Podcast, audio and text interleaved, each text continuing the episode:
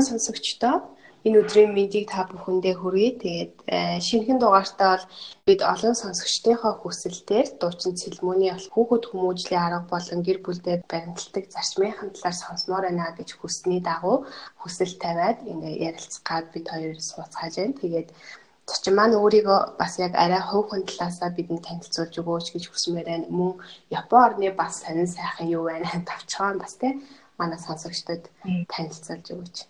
За тэгээд подкастыг сонсож байгаа хүн нэг бүртэн өдрийн мэндийг хүргье. Тэгээд би болохоор аюу олон хүмүүс ингэ дурцсан тэлмүүн гэж ер нь танилцуулдаг. Тэгээд яг үнэндээ миний яг албан ёсны одоо юу гэх юм зүйл болохоор нийгмийн эрүүл мэндийн судлаач те одоо докт докторт бас хамгаал доктор хамгаалж байгаа Японд. Тэгээд ихтэй нийгмийн эрүүл мэндээр одоо нийгмийн эрүүл мэнд, нийгмийн өвчин зүйлүүдийг судалж байгаа ийм хүн байна. Тэгээд ямар ч байсан уурж оролцуулсан явдалд маш баярлаа. Тэгээд Японоор сайн сайхан гэвэл одоо энэ эд халуун болоод тэгээ удахгүй бас а 7 7 сараас хүүхдээ амралтууд эхэлнэ. Тэгээд манай үеийн хувьд болохоор дөнгөж 1-р анги болохоор мэдээж одоо Японы шинэ соёл те эдний одоо сургуулийн наадхан сургууль соёл ондоо Монголтой харьцуулахад тэгээд ер нь нь хоёрт аль алинд нь их гоё тийм шин улирал байлаа. За тэгэхээр яг миний хувьд болохоор яг жилийн өмнө төрөөд тэгээд яг 2 жилийн өмнө жирэмсэн болоо тэгээ явж байхдаа яг анхны удаа байсан учраас надад мэдхгүй зүйл айгүй олон байсан. Тэгээд ингээ Монгол дээр юу дижитал байдал дээр хайлт хийхээр ямар ч ойлгохтой яг их сурвалжтай мэдээлэл гарч ирдгүү. За англи дээр хайхаар нөгөө яг Монголын хөрсөнд буух хэсэг нь эргэлзээтэй бас анхны учраас сайн мэдхгүй. Тийм байсан учраас ерөнхийдөө ээжүүдтэй өөрт тулгарч исэн тийм асуудлуудаа яг надтай адилхан тийм асуудал тулгардаг байх гэж бодоод подкаст хийж ээжүүдтэй мэдээлэл хүргэх гинсэн гэж бодож байгаа. Тэгээ подкаст хийж хэлсэн л да. Тэгэхээр яг би яг орж байгаа зочин ээжтэйсээ юу гэж асуух туртай вэ гэхээр анх яг ингээд жирэмсэн байгаад яг төрсний дараа ч юм уу те өөрт за яг дараагийн удаадаа ийм арга энийг хэрэглэх юм байх шүү. Энийг яг ингээд сайн санаж агаад өөр дээрээ турших юм байх шүү ч юм уу. Нэг тиймэрхүү бодол төрж исэн үү гэж асуумаар байна. За яг тиймэрхүү арга барилыг одоо дахиж турших юм санаж юм уу? Тийм юм бол нэг бодож байгаагүй юм байна. Яа тэгэхээр миний хувьд болохоор миний төрөлт бараг жирэмсэн байх тэр хугацаагаа анзаарах хөөгүй нэлээд завгүй ирж исэн. Тэгээд төрснийхаа дараа ч гэсэндээ ингээл 10 хоноо 10 хоноо л ердөөсөө ажиллаа хийгээл хүүхдэд дагуулж явал байнгын хамт явдаг тий бичлэг байна уу сургууль соёл байна уу бүх юм дээр авч явал тэгээд ер нь айгу хурдан өнгөрсөн. Тэгээд а яг үнийг хэлэхэд бас бидний хүүхдээ дөнгөж төрүүлээд хүүхдтэй хандах хандлага хэрэглэх арга барилууд маань цаанаас одоо ингээд бидний одоо эцэг их өвөө эмээ ах эгч нараас маань өвлөгдөөд ирсэн. Тэгээ биднэрт ингээд шингэчихсэн байдаг. Тэгээд тэгсэн дэргүй яг өөрөө бид нэр ингээд аав ээж болохлээр хамгийн түрүүнд гарч ирж байгаа бидний арга барил маань яалтчгүй яг энэ гэр бүлийн энэ одоо гэр бүлтэй маань нэг нэгт холбоотой ийм асуудал. Тэгээд ямар ч гэсэн тэг яг тэгж одоо юу гэдэг нь амар яг энэ арга тэг зүгээр юм байна гэсэн юм бол байхгүй. Яг миний хувьд болохоор ялангуяа хүүхэд хүмүүжлэлтэр бол тийм аа баримтлагдаг зарчим байна уу гэхээс биш одоо бүр ингээд онцгой типүүд ч юм уу те яг ингэн гэсэн зүйл бол байдаггүй Тэгээ яа тэгэхээр хүүхдэд чинь ямар нэгэн төсөл бол биш шүү дээ. Тэгээ амжилттай үр дүн гарах гэдэг тийм төсөл биш учраас тэгээд аль болох уян хатан байлах. Тэгээ дээр нь аюу олон хүмүүсээр хүмүүжил гэхэлэр миний хувьд аюу анзаарчихсан гэхэлэр яг нэг эцэг их хүүхэд хоёрын хооронд л болж байгаа харилцаа холбоо мэтэр ингээд харж байгаа нь бас маш том одоо дутуу ч юм уу тий хангалтгүй ойлголт болох гээд байгаа. Тэгэхээр бидний хувьд яг үнийг хэлэхэд миний хувийн бодлыг гэхээр өнөөдрийн энэ одоо технологийн хөгжилтэй ингээд дээд зэрэгтэй хүрсэн байгаа энэ нөхцөлд бол бид нэр одоо манай Монгол улсаа тий яаж сайн ээж байх вэ? Яаж сайн хүүхэд өсөх вэ? гэхээсээ илүүтэйгээр тэрнээсээ давж гараад бидний ялангуяа энэ одоо нийгмийн тогтолцоо бидний хүрээлэн буй орчин тэр одоо орчин хянах нь айгүй чухал. Яагаад тэгэхээр одоо юм баггүй бид нар одоо подкаст сонсоод тэгээ аа энэ хүн үнэхээр гоё арга барил хуваалцлаа. Тэр арга барилыг тэгээ бид нэр туршиж одоо сонсоод за би хэрэгжүүлж үзье гэдээ өөрийнхөө хөрсөн дээр булгаад 7 хоног хэрэгжүүлж хэрэгжүүлж үзье те зарим нь сар магадгүй үргэлжлэнэ. А тэгтээ хэрвээ тэр хүн а арга барилаас гадна бидний зан үйлийг контрол хийж байгаа тэр орчинг өөрчлөөгүй тэр хүчин зүйлээд анхаарал тавьж хянаагүй бол тэр арга барил бол ердөөсөө богино хугацааны л зүйл ахгүй яг урт хугацааны үр дүн бид нэр гарахгүй гэсэн үг байхгүй юу. Тэгэхээр миний яг гол баримталдаг зарчим маань юу гэхээр орчинг хянах нь миний хамгийн том одоо хамгийн одоо хүч их шаардаж анхаарал төвчээр шаардаж тэг өнгөрөөдөг зүйл байгаа. Тэгээд хэрвээ боломжтой бол энэ подкастыг сонсож байгаа бас хүмүүс маань яг заавалчгүй ээж аав нар биш те. Ирээдүйд бас хүүхдтэй болоё гэр бүл ер нь өсөх гэж байгаа хүмүүсээвэл яг үзэг цаас аваад ингээд цаасан дээр өөрийнхөө яг энэ орчин тойрны хүрээлж буюу хүчин зүйл. Бидний өөрсдөө болоод хүүхдтэйгээ цаашид амжилттай байх. Одоо хүүхд маань цаашид амжилттай байх уу? Үгүй юу? Гэдгийг тодорхойлдог хүчин зүйлүүд юу вэ? Гэдээ одоо юм өөрийнхөө хүрээлэн буюу газрын зураг мэдтэй Аа. Газрын зураг мэт одоо ийм зүйлийг сараач суулгах зүгээр ярьж авах явцад тий. Аа тэгэхгүй нөө бид нар чинь ингээд зөвхөн одоо хүүхдээ сайн болгох болгоно гэдэг чинь бидний хүлээж буй үр дүн болохоос биш тэр үр дүнгээ гаргахын тулд бид нэр input буюу орц хэрэгтэй тий. Тэгэхээр орцнуудаа ярэ гэж бодлоо л доо тэгээд аа тэгээд бүгдээр хамгийн сүүлд нь болохоор би яг нэг хүүхдтэйгээ яг яаж тулж харьцдаг ч юм уу тиймэрхүү өөрийнхөө боддог зөв байж магадгүй гэж бодсон зүйлээ хуваалцъя. Тэгэхээр одоо энэ гэр бүлийн гэр бүл гэдэг чинь айгүй тийм хувийн орон зай тий. Тэгэхээр бидний хин нэгний хэлж байгаа үг заавал нөгөө гэр бүлүүдэд одоо зөв гэж хэлэх нь бол ердөөсөө тохиромжгүй тийм биз дээ тий бид нэр одоо тухайлбал юм байхгүй. Бид нар улс орны хэмжээнд нийт ард иргэдийг эрүүл байлгахын тулд одоо тэр нийтээр нь сайн болгохын тулд нийт одоо энэ орон сууц ч юм уу орчин тойрон толомын талбай гэх мэтчлэн энэ том өргөнөөр нь авчиж бид нэр илүү одоо том импактыг үзүүлдэг шүү дээ. Түүнээс биш хүн бүрт хүрч ажиллана гэвэл айгүй хэцүү. Тий. За тэгээ бүгдээрээ илүү нэг өргөнөөр нь эхлээд бүр тэр том circle буюу тий одоо тэр том цар хүрээнээс илүү авч үзэл л да. Тийм бол хэрвээ та нар судалгааны одоо энэ хүүхд хүмүүжлийн талаар судалгааны ажлуудыг авч үзэх юм бол хамгийн түрүүнд магадгүй яригдах зүйл нь юу вэ гэхээр одоо наад захын яс үндэстэн орж ирдэг. Яагаад гэвэл а яс үндэстэн бол үндэстэн болгон өөр ингэсэндээ соёл үүдэг соёл байгаа цаашаа бидний одоо зан үйл амьдралын хэв маяг тодорхойлж байгаа учраас тэгээд хамгийн түрүүнд бүгдээр ингээд нийгмийн хүрээлэн буй орчин гэж авч үзэл та. Нийгмийн хүрээлэн буй орчин гэхлээрээ одоо бидний энэ бит физик орчин хэлж байна тийм хүмүүс ердөөсөө одоо бидний гэр орон гэр орны нөхцөл байдал одоо боловсролын материалууд нь яг юу хэрэгжилж байна?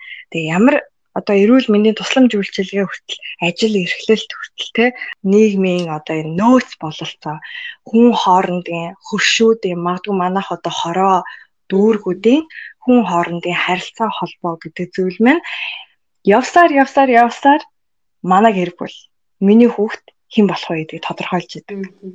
За тэр дотор хэрэг бүгдээрээ задлаад харах юм бол те яг одоо гэр орон байна гэр оронд маань те хэр их олон зүйл одоо овоорсон байна. Тэгээ миний хувьд болохоор яг энэ бит физик орчин бол аль болох цөөн байлгахыг хичээдэг. Тэгжээж угаас одоо дараа дараагийн яригдах зүйлсүүдэд маань илүү одоо анхаарах тэр орон зайг надад бий болгож байгаа. Тэгээд аль болох те аль болох минималист яаж л минималист байна гэдэг маань судалгаанууд дээр авч үзэхэд хөглөрсөн байд. Одоо ингээд хамаг юм ингээд овооралтай айгүй олон хувцастай, айгүй олон мейкаптай тий. Айгүй их тоглоомтой.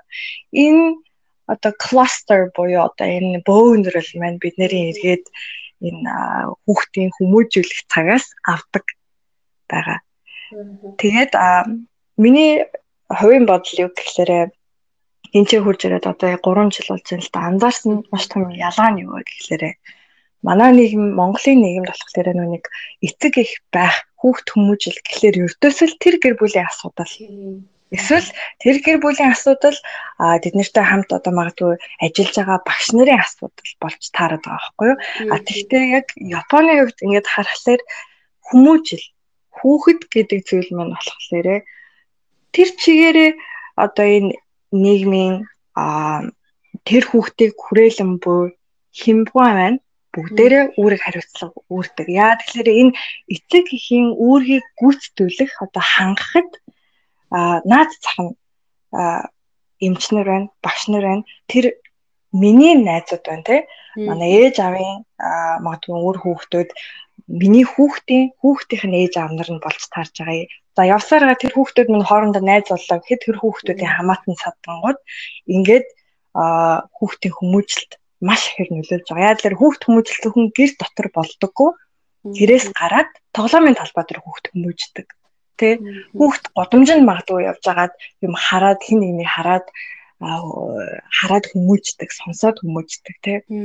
Тэ Японд болохоор би одоо яг үнийг хэлэхээр ингээд гадаад оронд тэ сураад доктор хамгаалаад ажиллангаа ганцаархнаа хараад өсгөөдтэй гэр орноо амжуулаад давхар ингээд сошиал дээр ч гэсэндээ юм юм ингээд явуулна гэдэг бол миний хувьд бол асар их стресс стресстэй байхын одоо нэг юм үндэстэй юм шиг санагдаж байна.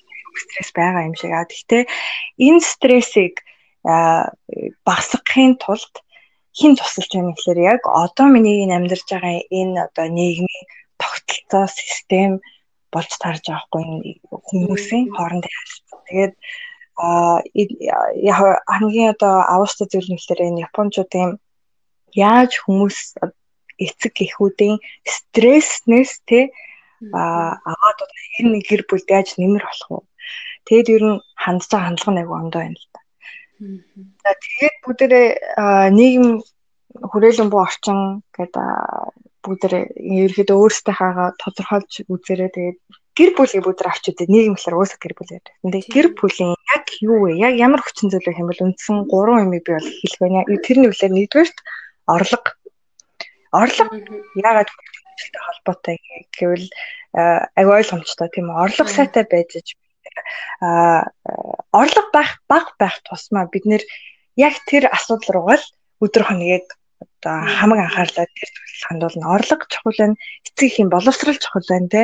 А тэгээд яг ямар үндэстэн гэдэг нь чухал. Маш олон судалгаанууд дээр энэ гурван хүчин зүйлийг чухал байна гэж авч үздэг байгаа. Хоёрдугаар одоо за гэр бүл байна. Гэр бүлийн бүгдээр ингээд гэр бүл рүү нарийсаад орох юм бол аавас илүү ээж байгаад байна. Яг хүүхэд гэхлээр тийм. Аа.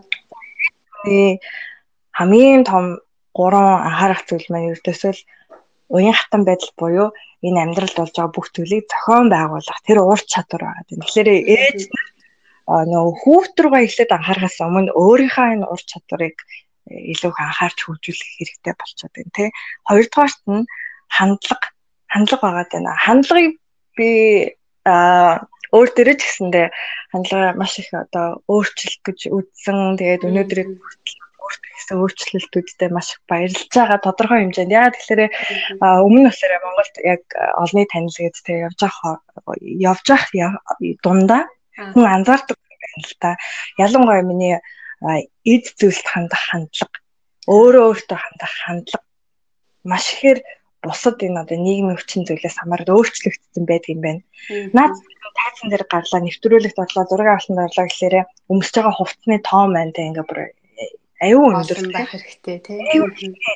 Тэгээд тэгээд дээр нь манай одоо сошиал медиагаар тий ингээл мейкап туториал тэ одоо ингээл өөр юу гэдэг нүдээ ингэж нүдээ том харагдуулах, урт харагдуулах, хүмүүсийг ингэж харагдуулах. Уруулаа ингэх гэсээр тэ хүмүүсийн дээр нь маркет дээр тэ аюу олон гоо сахны бүтээгдэхүүнүүд байгаа тэ. Тэгэл өөрийнхөө өрөөг харахлаач зүйлээс ингээл эд зүйлс маань их л байх ёстой юм шиг байгаад болчиход байгаа байхгүй тий. Ийм шин бүтээгдэхүүн гарсан байна. Тэр нь сайн байна гэд э, бид нэг ингээд өөрөө өөрөө анзаарлаггүй цаанаасаа тий аваад үзчихвэр. Тэгэхээр тийм яг үнийг хэлээд манай найз зөвхтүүд ч гэсэндээ ингээд холбогддог байхгүй ингээд яг ингээд байна тий ялангуяа эмэгтэйчүүд хоорондоо ярих нь аягүй чухал. Тэгээд юу ярьдаг гэхээр ингээд ялангуяа Instagram ч юм уу, Facebook ч юм уу, найз нөхдөйгөө ингээ харахаар би хүүхдээ гаргаад гэртээ суугаад хоёр хүүхд, гурван хүүхд ингээ гаргаад ирэхлээр нийгмээс тасраад тий би ингээ нэг л арт хоцроод юм шиг. Би нэг л өөрийгөө харахаар аюу гутраад энэ тий бүр ингээл талент харахаар л тий энэ царайнаас бүсүүлд ингээд уйдаад байгаа мó голоод байгаа мó тий Тэр юу вэ гэхээр тэр бидний хандлага байгаа байхгүй юу. Тэгэхээр хамгийн бидний юу хийж болох вэ гэхээр хувцсныхаа тоог баг тоог багсаг хувц хувцлалт гэдэг зүйл маань те эргээгээд энэ их цагийг авснаасаа одоо яагаад бид нэрийг яриад юм гэхээр те энэ хэрэггүй хандлагт хамаг юм зарцуулагцаар байтал хүүхдтэй бид нэр юун хүүхдээ хүмүүжил болоод байгаа байхгүй ээж хүн өөрөө сэтгэлээр унчих юм бол юун хүүхэд те эрүүл сэтгэл сэтгэхгүй байхгүй Тийм учраас би нэг илүү тодтогч яриад байгаа шүү. Тэгээд тэгэхээр би өөртөө ямар ямар өөрчлөлтүүдийг ирээд хийсэн бэ гэхээр нэгдүгээрт заавал ингээл тренд гэдэг ах биш. Яг өөрийн чинь өнгө арьс те өөрөө чинь би хаад тохирох тэр яг одоо наадах нь хувцсны ханцууны урт юбканы урт те хэмжээ тэрийг тодорхойлоод 3-аас 4 өнгө сонго өөртөө 3-аас 4 өнгө сонгоод тэр өнгө хоорондоо л цаашид авах хувцас сонгоч. Тэгэх юм бол ирээдүйд одоо яарч сандрахад хувцас хувцас сонгоход төртөл амар ахгүй яа. Тэгэхээр ерөнхийдөө бүгдээрээ хоорондоо зөгтчин те. Заавал ингээд яг таарах юм хайгаад ах биш те. Өөрөө мэдж байгаа учраас. Тэгээд тоогоо цөөлөх хэрэгтэй. Аа тэгээд миний хувьд бол сошиал медиа дээр дагдаг хүмүүс маань ч гэсэндээ ямар хүмүүс дагах вэ гэдгээ хүртэл би өөрөө ингээд цензуур тавьсан. Одоо би жишээлбэл нүүр амаа будаад байдаг эсвэл бүтээгдэхүүн хитэг сурцсан гэдэг ч юм уу. Тэгэл э, хэрэгтэй хэрэггүй нь тиймэрхүү э, хэрэггүй миний хандлагыг тэг өдөөгөөд байгаа. Тэр зүйлээс л өөрийгөө шууд өртөөсөө одоо татаж гарах хэрэгтэй. За тэгээд гуравдугаарт нь ээж хүний ихтгэл үнэмшил хүүхдэд маш их нөлөөлөд байна л та. Ихтгэл үнэмшил маань одоо тэгээд юу гэдэг юм а яг энэ их сургуульд ирээдүйд ороод одоо манай Улаанбаатар хотын яг э, энэ байранд одоо Royal гэсэн хаягтай level те энэ байранд ороод гоё амьдрах гэдэг юм те. Миний хүүхэд яг энэ цэцэрлэгт орох юм бол а яг одоо юу гэдэг э, одоо янз бүрийн ийм арга барил барил те ийм арга барил миний миний хүүхдийг яг зөвхөн болгох гэдэг гэдэг тийм ихтгэл үнэмшил байгаа байхгүй юу. Тэгэхээр энэ ихтгэл үнэмшлүүд дахиж бодох хэрэгтэй. Дахиж үнэлээд дахиж тодорхойлох хэрэгтэй тий. За тэгээд ээж гэр бүл гэ бүгдээр ярьчлаа шүү дээ. Тэгэхээр одоо гэр бүлийн уур амьсгал бас аюу чухал байгаад байна. Хамгийн гэр бүлийн уур амьсгал төр миний зүйлээр ердөө хоёр зүйл юу гэхээр нарийн мэдрэмжтэй байдал. Ихэнх тохиолдолд мэдрэмжтэй байх нь ингээд өө би угаасаа л ийм хүм чинь би нэг тийм нарийн бодож байгаа юу мэдэрч байгаа би нэг буруу хэлсэн чинь чи гомдсон ч юм уу те а тийм би нэг анхаардгүй штэ мэддгүй штэ гэдэг хүмүүс аюух байдаг. А гэхдээ хэрвээ ирээдүйд амжилттай гэр бүл бий болгоё амжилттай ээж бай амжилттай хүүхдээ өсгий гэж л бод гэж бодож л аваад мэдрэмжтэй байхаа хөгжүүлэх хэрэгтэй. Тэ? А би яаж харчуу яаж хөдөлчүү наад цах нь хоол хоол идж байгаад ширээнээс яаж босчив тэ? Эвгүй босчив ингээд бидний анзаардаггүй юм жижиг сажиг биеийн хөдөлгөөн хүртэл ингээд гэрийн уур амьсгалыг бүрдүүлждэг. Хоёрдугаарт нь юу гэхээр гэрт байгаа тэр уур амьсгал хүүхдийг хэрэг зоригжуулж чинь, хэрэг урамшуулж чинь, хэрэг сэргээж чинь. Тэр өдөөлт яг одоо одоо нэмэх вэ нү хасах вэ нү гэдэг нь айгүй чухал тий. Танаа гэр бүл гэрт одоо хүн орж ирээ суухад хэрэг одоо нэг юм өөрөө өөрийгөө голох мэдрэмж авахгүй эсвэл хэрэг би ийм онцгой нэг юм байсан юм байна гэдгээ мэдрэх вэ? Эсвэл тэ хүүхэд хэр их ээж автагаа байгаад өөрийгөө голж ийн хэр их хүүхдүүдтэй харьцуулж ийн хэр их гутарж ийн тэ чухсаад байна шүү дээ. За тэгээд түрүүний одоо ярьсан ингээд нийгмийн хүчин зүйл ээжийн хандлага гэрийн уур амьсгал маань а ердөөсөө бидний хэр их хүүхдтэй зарцуул одоо ямарваа нэгэн зүйлийг хүүхдэд хэр ихээр зарцуулах вэ? Зарцуулж байгаа тэр анхаарал халамжийн чанар ямар байх вэ? Тэгээ бид нэр энэ хүүхдтэй өнгөрөөж байгаа янз бүрийн activity байна те үйл ажиллагаанууд эдгээр тогтвортой байх вэ? Тэгээд ер нь энэ хүүхдтэй хандах хандлага маань ямар байх вэ гэдгийг түрүүний ярьсан энэ зүйлүүд тодорхойлж идэг. Тийм учраас бид нөгөө нэг зөвхөн би ээж нь байгаад хүүхд рүүгээ яаж хандах вэ биш. Аа тэгэхээр миний хандлагыг юу тодорхойлоод байна гэдгээ анхаарах хэрэгтэй. Яа тэгэхээр аа одоо нөгөө нэг бид нар наадах нь хүүхдч биш.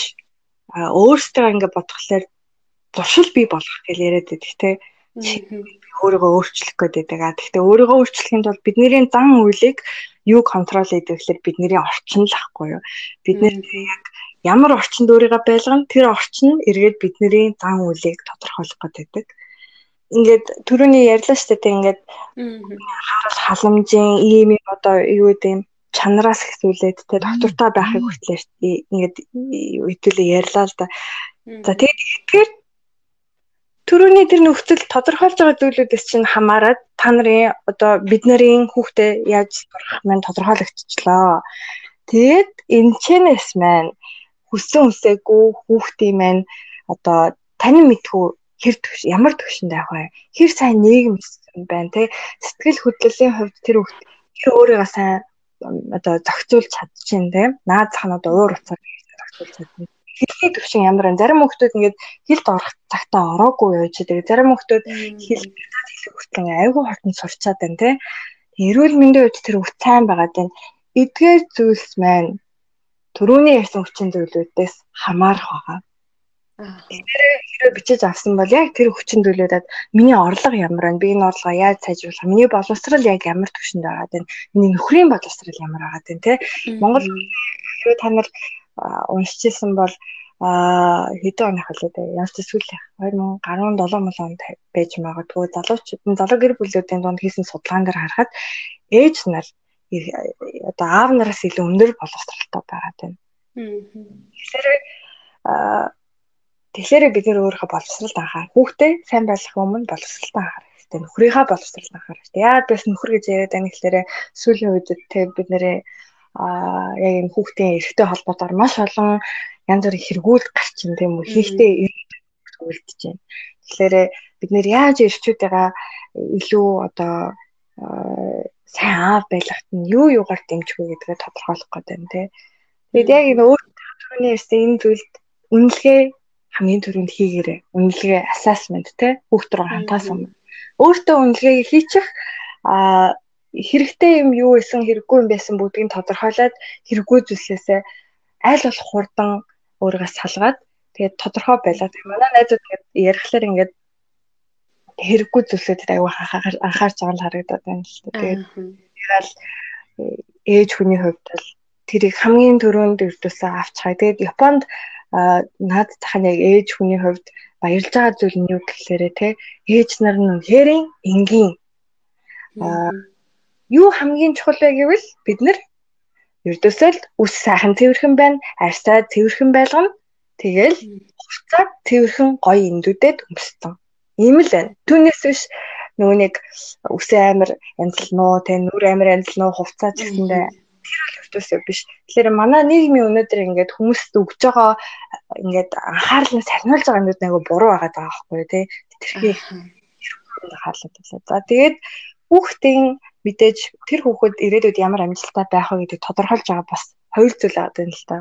Судалгаанууд хүүс тэгээд мэдээж тэр хүүхдийн зан ааш байгаа тийм. Тэгээд миний хувьд болохоор а хүүхдийнхаа уур уцаарыг ажиглах тий өөрийнхөө юмд хандж байгаа уур уцаар уур уцаарыг би аягүй чухалчилдаг л да. Яагаад гэвэл түрүүний ярьсанчлан ажил эрхлэлтээс ахуулаад миний одоо одоо бид нэр ээж нарын асуудлыг бүгд ярил л та тий хоолон тогтолох материал ороод ирдэг тий стресс стресс байна ажил санаа ин хичээл санаа зовж ин орлох санаа зовж ин тий тэгэл хүн тэгэхээр хамгийн түрүүнд ийм асуудлууд биднэрт байгаа л юм чинь хизээ нэгэн цагт биднэрт одоо сэтгэлээр унаад стресстэйд дэлбэрэх гэж ярьдаг штэ бид нартай ингээд хоор хоорсоо бүр ингээд ингээд хамаг юм ингээд гинт гараавчдаг яг? Тийм үе хүртэл ингээд гүрийгээд яваад ах биш баг багаар өөрийгөө ажиглаад за би ер нь яаж ууралт юм бэ яа тэгэхээр яа бидний одоо энэ энэ их асуудлуудад хандах уур цар маань хүүхдийг маань бас ямар хүн болохыг тодорхойлж идэг. Тэгээд ингээд би сүүлд бас нэг Guardian гэдэг юм дээр уншиж хахад уур царын тал хүмүүс хит хитэн төрлийн уур цартай байдаг гэд. Тэр нь юу гэсэн чинь би өөрөө одоо тодорхойлох гэж хичээгээл яваал юм шиг байна. Юу гэхээр а зарим хүмүүс уурлахтаа хажуудах хүнийгээ сүрдүүлдэг тий уур нүрэхлээ төлөөд айлгаад яг тэрнтэй ижилхэн бид нэр хүүхдээ яаж ийн уурлахлаа те? Айлгаж ийн миний сонссноор манай ахын хүүхдээ Монголд багш нар нь яаж хүмүүжилсэн гэсэн чинь чи одоо орлого орохгүй бол те одоо тэр хаалганы цаанаас чамайг харанхуй өрөнд хийгээд ингээ хүүхдээ айцсаар айцсаар тэр хүүхдийг хүмүүжүүлж байгаа байхгүй. Энэ яавч эрүүл биш? Тэр яг тэрнээ ижилхэн бид нэр ээж аав нар яаж уурлж чинь гэдгийг анзаарах хэрэгтэй. Тэгээд өөр ууралж ингээ юу гэсэн чинь хохирогч болж одоо ингээд ууралдаг гэнэ те. Би л энэ гэрийн те хамбаг эмэг зохицуулж байна би л ингээд хийж бас ууралдаг гинэ. Аха. Өөр чинь юу юм гэсэн чинь ингээд зай барьдаг гинэ. Өртөөсөө уур нь юм бол зай бариад яаж хийж байгаа нөгөө хүнээ араас гүйлэх гээд Яг зэрэг нь буруу байсан чамаагүй тэр үний буруулсан чамаагүй араасаа л гүйлгээл уучлахгүй л гэдэг тий. Аа. А нөгөөх нь болохоор дөрөвт нь юу вэ гэсэн чинь тэн чи хитэн төрлийн ургац цаглаа би мартчихж тэгээд энэ дөрөвт нь болохоор юу гэсэн чинь ийм юм байна л та уурлаад байгаа хэрнээ уурлаад байгаагаа хөлөө зөвшөөрөхгүй үгүй би уурлаагүй. Аа. Тэгтээ уурт чи ингэж шүү дээ уурлаад байна шүү дээ үнэн хэлэхээр дэлбэрдэг яг тийм хүмүүс аа. Аа. Тэгээд бид нэр хүүхдээ хүмүүжүүлмээр байвал тэгээд өөрийнхөө энэ одоо хамгийн муу хамгийн арчаагүй энэ зан чанарууд дээр анхаарах хэрэгтэй. Айгүй олон ингээд одоо яг нийгэмд ингээд бид нэр сошиал инфлюенсер ингээд янз бүрийн мундаг хүмүүстэй ярихлаар ингээд хамаг сайхан зүйлүүдийг авч хамаал яриад байна л та тэгээд ийм ч ийм юм ч сайн, тийм юм ч сайн гэдэг. Тэгтээ хөгжүүлэхээс гадна муу тэр хамгийн оо санаа зовмор зүйл рүү орох нь зөв. Тэгээд өөрөө анзаарсныхаа дараа хүүхдээ бас анзаараад тэгээ өөрөө бид нар яг яаж уралж чинь тэгэхээр тэр гурыг яг яаж зохицуулах юм бэ гэдгээ бас өөрөө олж харах хэрэгтэй байгаа юм л та. Айгу олон хүмүүс яа одоо намнаг хувьд болохоор хүүхд нь одоо өсвөрөөд одоо жил тий ойгаантай. Ойгаантад бас гайгүй. А яг хүүхд ингээд нэг 4 5 6 одоо манай хүүхд чинь 6 таахгүй тэгээд жилүүдэд л андарч байгаа байхгүй. Яг энэ насны дээр хүүхд аюу хэцүү байт юм бэ те.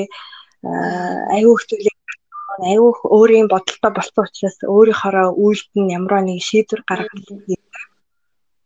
Тэгэхээр миний хувьд сүүлийн үед яг өөртөө уурлахад би юм бэ гэдгийг анзаараад хит хитэн яг дөрмийг өөртөө тавьсан. Энэ болохоор би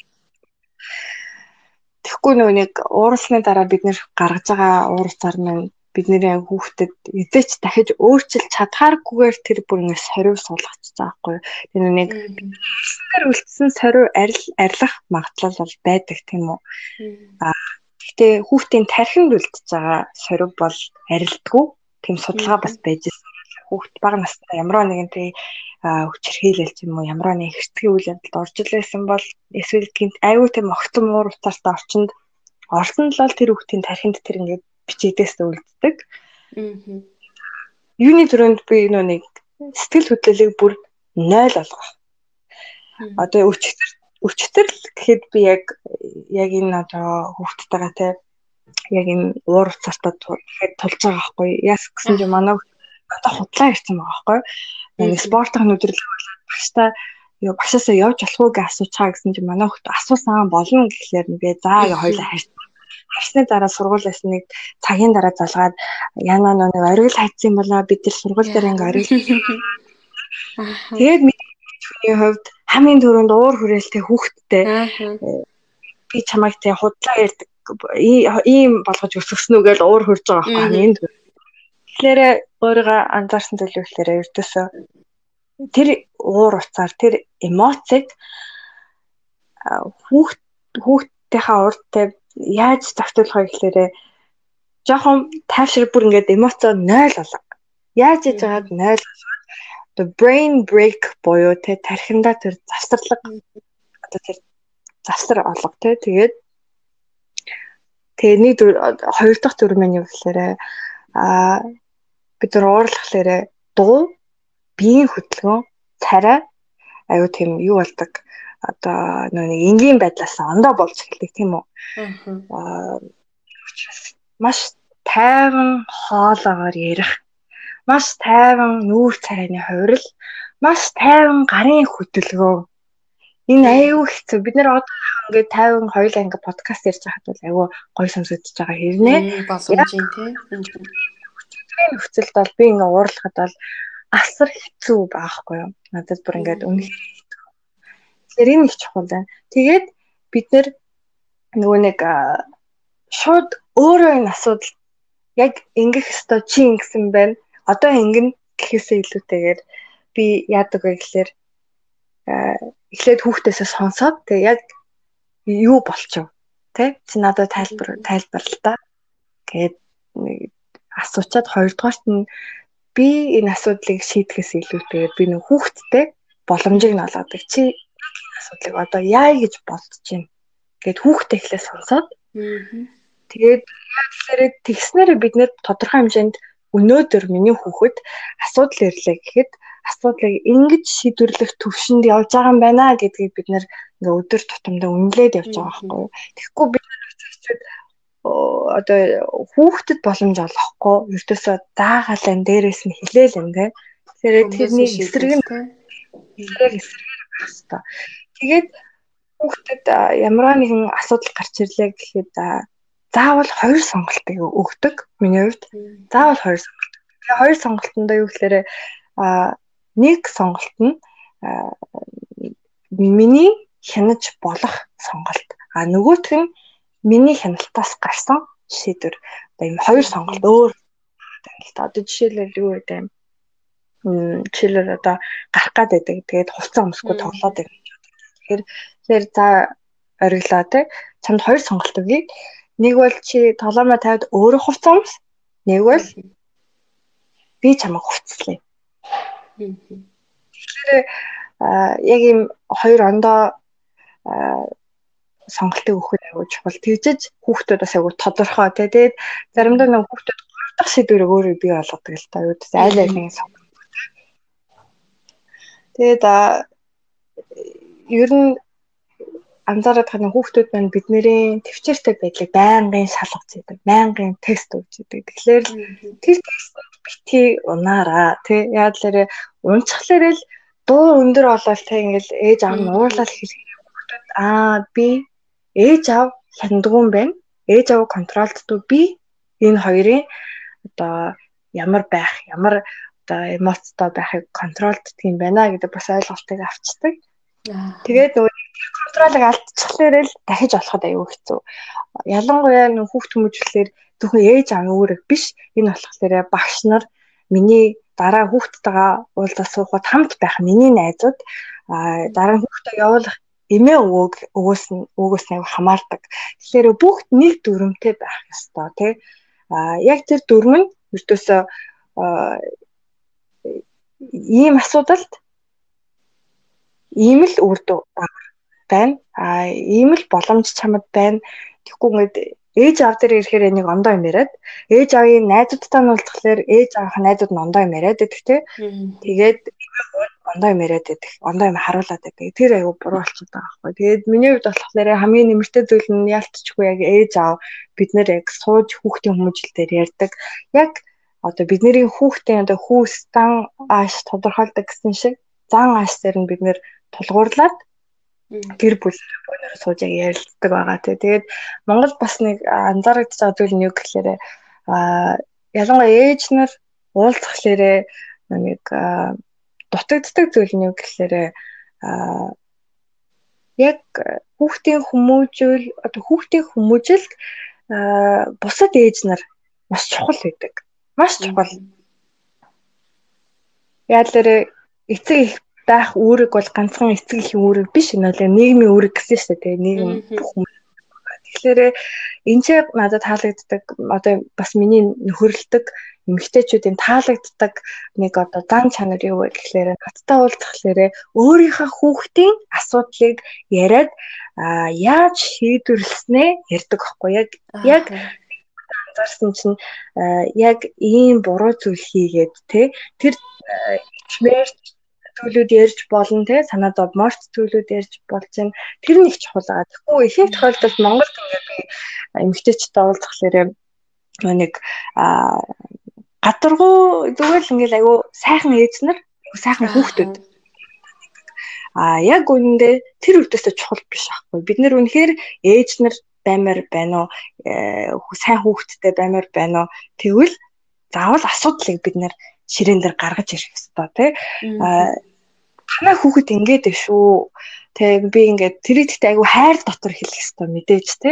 Тэгэхээр хүүхэд ингэж байгаа юм чинь манай хүүхдэд ингэж нөлөөлөд байна. Ирээдүйд нийгэмд чинь те энэ хүүхдээ ийм одоо үр дагавар бий болох учраас гэд гоё юм ээж нарын нөхөрлөл аюух дутагддаг хараад байхад тэгээ уулзхалаарэ их их одоо зарим нь барыг шууд санаанд нь орж ирж магадгүй л дээ тийм эмгтээчүүд уулзах юм.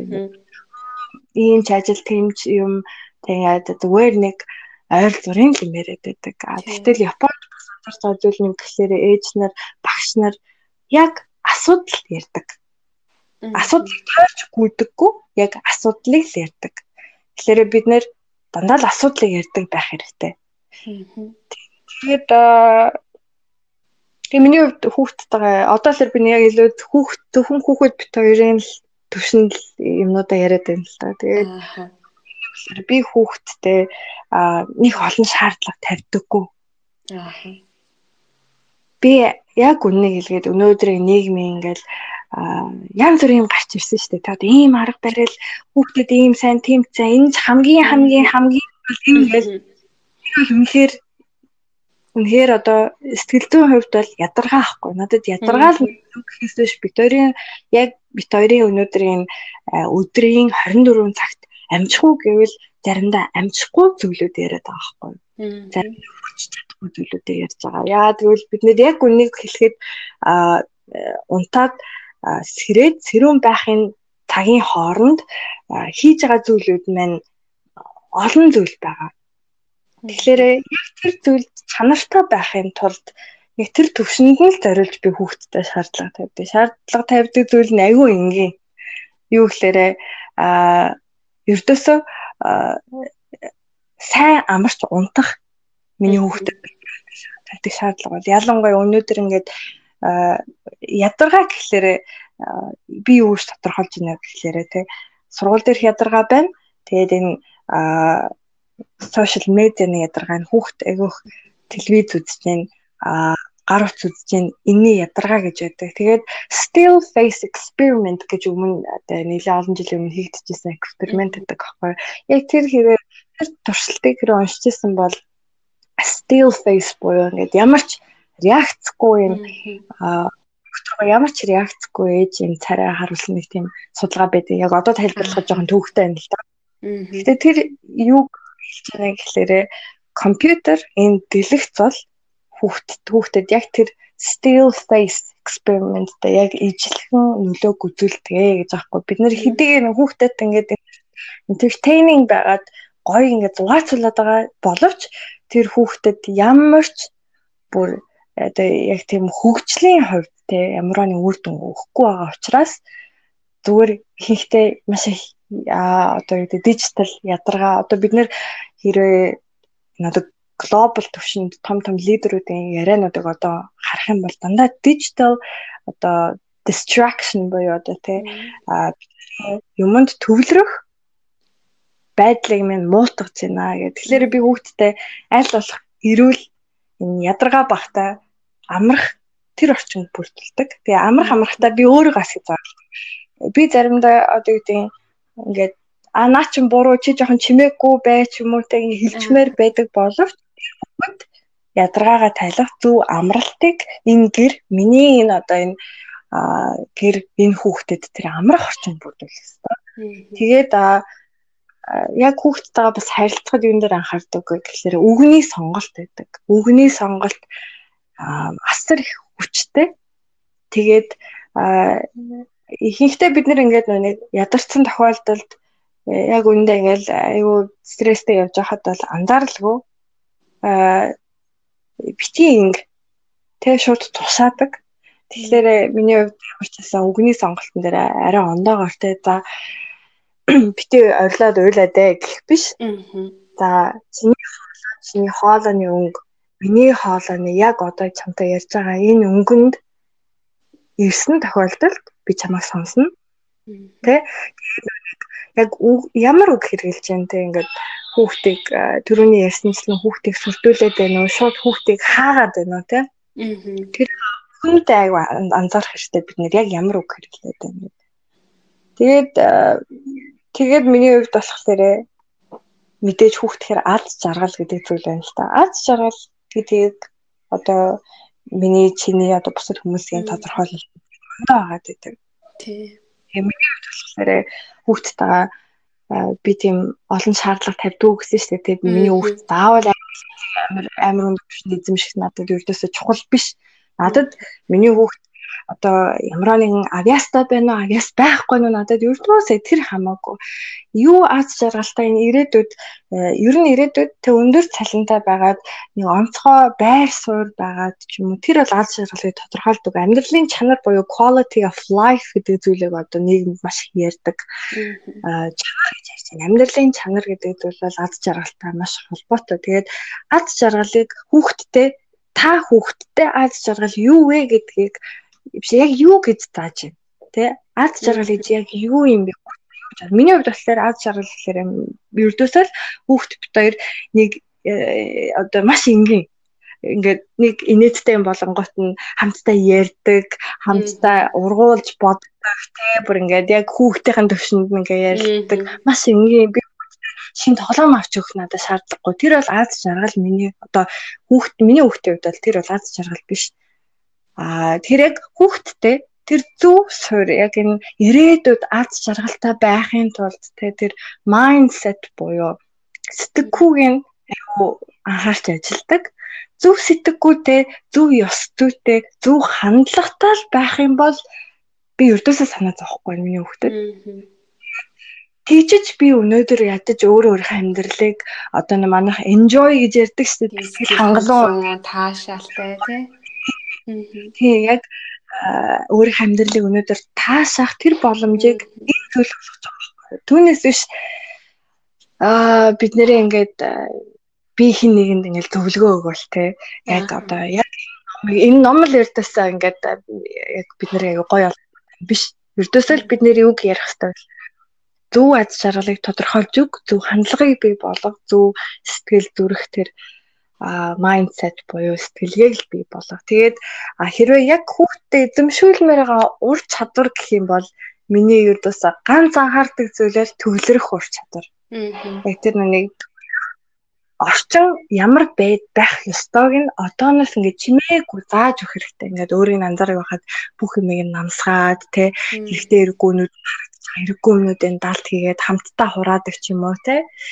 Тэгээд яг энэ зөв орчинг ажиллахад ирээдүйд ирээдүйд уур уцаараа одоо менеж хийхэд яг тэр зөв орчинг би би болгох энэ зуршлыг хүүхдэд би болгоод байна те. Тэгээд яг тэр орчин бий болоод хүүхдэд төвлөрөхөд туслах хэрэгтэй төвлөрөхөд.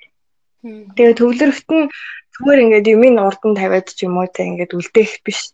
Аа яг хамтдаа ярилцах хэрэгтэй. Өөрөөс нь асуугаад э, яг ингээд яагаад тэгэхээр бид нарын өнөөдрийн хүүхдтэйгээ ярьж байгаа одоо харилцан одоо харилцаж байгаа энэ яриа асуулт тавьж байгаа байдал маань ирээдүйд ямарваа нэгэн асуудал гарч ирлээ гэхэд яг тэр суурнаас эсвэлж бидний хүүхдүүд ирээдүйд ямарваа нэгэн зүйлд хандах хандлага нь тавигдаж байгаа байхгүй яаж фокуслах вэ тэгэхээр миний хувьд бол ердөөсөө л энэ.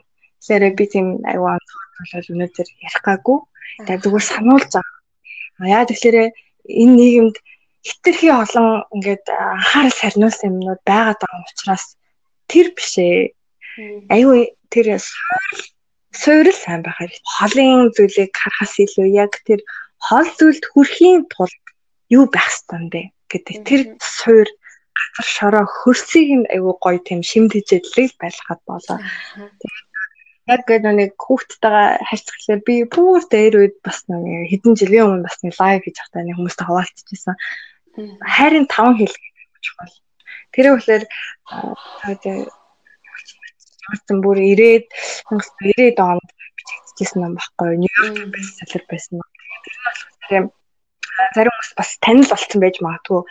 Хэрвээ бас танил биш бол харин 5 хэл Five Love Language гэдэг интернетээр хагаад үзээ. Тэгжиж а хүүхдтэйгээ бас тодорхойлно. Хүүхдийнхаа ямар хайрын хэлтэй яа тэгэхээр хүмүүс болохоор одоо жишээлбэл бид нэр ингээд Япон хүнтэй японоор ярих хэвээр, Америк хүнтэй англиар ярих хэвээр, тий? Хятад хүнтэй хятадаар ярих гэдэг. Яг тэрнтэй ижилхэн хүн болгон өөр ингэсэн гадаад хэлтэй байгаад байгаа байхгүй хайрын хэлтэй тий. Хүүхдтэй харьцмаар байвал хүүхдийнхаа хэлээр ярих хэвээр тий. Тэгээ хүүхдтэй ч гэсэн өөрийнхөө хэлээ тайлбарлах хэрэгтэй тий.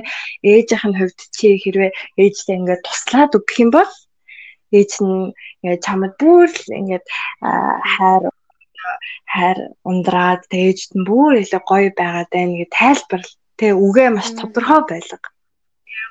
Хүүхдээсээ бас асуу. Тэгээ би хүүхдтэй дөрөв настай байхад нь яг нэг сэтгэл хөдлөлийн талаар аюух заадаг байсан. Бүр ингээд зурган дээр харуулж байгаа. Тэгээд принтлээд гаргаад ламинатортоод ингээд хүүхдтэй зааж өгөөд манай хүүхд яа бас магадгүй миний нөгөө нэг төрснөөс хойш хүүхдтэйгээ хэрхэн хандчихсан арга барил бас хүүхдийг минь өнөөдөр бас ийм магадгүй бас болгосон байх л та. Юу гэхээр нөгөө нэг хүүхдээ төрснөөс хойш би баг өдрийн бид нар угаасаа гэрте байгаа учраас би өөр юм хийхээс илүүтэйгээр байнгын хүүхдтэйгээ ярьдаг байсан. Тэгээд ярьдаг гэд одоо ярих гэдгийг би яагаад тодорхойлж юм гэхээр би ямар судалгааг нь мартчихж А тэгтээ хүүхдийн ирээдүйд энэ одоо мэдлэг ур чадвартай өндөр өндөр түвшний одоо хүн болох гэдэг чинь тэрэнд юу бас нөлөөлдөг вэ гэхлээрэ тэр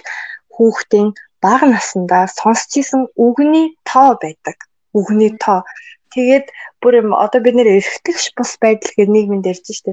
Хүүхдийн сонсож байгаа үг хүртэл эргэтгэж бус байдал юм нийгэмд харагддгийн байна л да. Одоо ингээд багтаа лэнөө те эсвэл одоо орлого өндөртэй айл, боловсрал өндөртэй айл, боловсрал жоохон дунд гэх мэтчлэн ингээд бүр одоо 30 сая үгний ийм хоорондын ялгаатай. Ас ялгаахгүй тэр. Тэгэхээр эргээгээд хүүхдэд тэр хэр их үг сонсч чинь одоо үг сонсоход яг тэр хэлж байгаа үг үг одоо бидний тархинд орж ирээ тэр нейрон нейронтэй сигнал өгөөд тэр тайм байн давтагдах ч юм уу те ямар үг байнга давтагдчих чинь тэр э, холбоос маань тархинд илүү бэхжчихийдэг. Тэгэхээр яг ямар үг тамир хэлээд байна хүүхдтэй.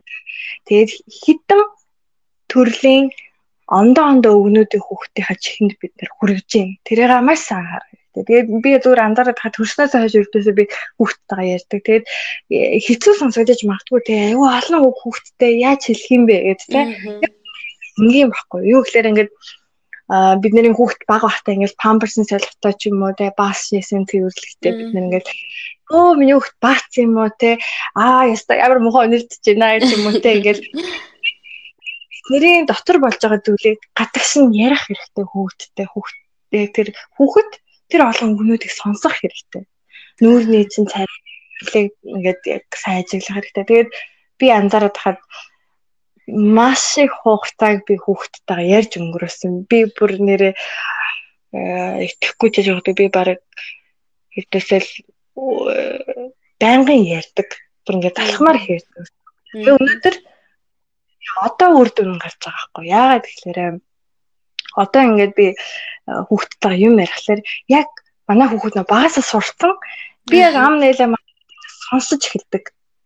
Яг сонсож эхэлдэг Аа тэгээд дээр нүний би үг нэг англи хэлийг өмнө заадаг хүүхд би нэг гэртээ сургууль зэрлэгт нь найдах биш би гэртээ давхар хичээл ордог гэсэн байхгүй. Яа тэгэхээр би нэг Японд зэрлэгт багш Тэгээ нөгөө бусад хүүхдүүдэд гараад гэртээ ирээл давхар заачдаг гэсэн болохоор бас амар байсан л та. Тэгээд хүүхд гэртээ юмыг заа харга байлууд мэдээж байна л да. Яг нэг багш хүний эзэмшигстэй одоо уур чадварууд те. Тэгээд хүүхдээ багаас нь заатан болохоор манай хүүхдээ өөхөх ингээд одоо би нэг шинэ үг хэлэхлээр яг дагаж хэлдэг.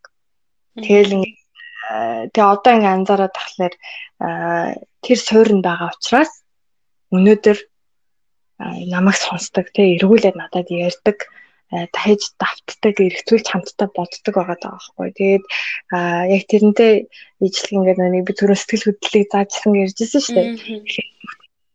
Хүүхдэд зураг үзүүлээд энэ хүүхд яаж вэ? Нүүр нь яасан бэ? Нүднээс нь юу урсан тэ?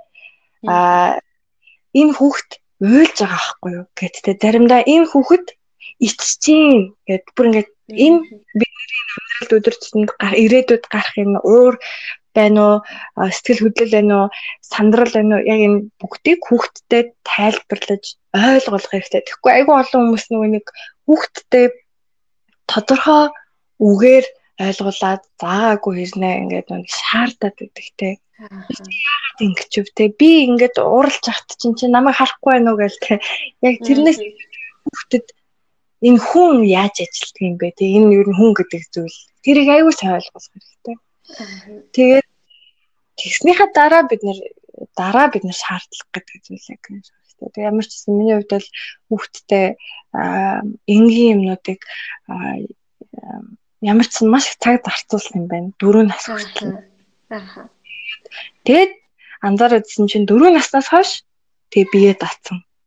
Дөрөв нас хүртэл л ерөөсөө а жимс хоолонд бүх юмыг нэг л гэртээ зааж өгөөл энийг ингэж иддэг энэ бол ийм цэцэг энэ бол ийм амтан гэлээд бүх танин мэдхүүг нь маш сайн суурин тавьж өгөөл танин мэдхүүгээс гадна хүн яаж ажилдгийг гэр бүл яаж ажилдгийг нийгэмд гараад тэг том хүмүүс яг ямар өргөтэй хүүхдүүд ямар өргөтэй гэдэг нь ойлголцохлээрэ дөрөв наснаас хойш бас харьцангуй гайгүй хүүхд нүг суурин зүг тавигдчихлээрэ би ингэчүүл ээж яах вэ гэдгийг аюу сайн мэдээд байгаа байхгүй. Тэгээд Тэгээ хүүхдүүд заримдаа нэг албаар буруу зүйл хийдэг. Буруу зүйлийг ингээд анзаараад тахлаа заримдаа нөгөө нэг хөрх амьтад бас анхаарал халамж хүсгэлээрээ албаар буруу юм хийдэг. За албаар худлаа ярьдаг тийм. Анхаарал татах гэдэг.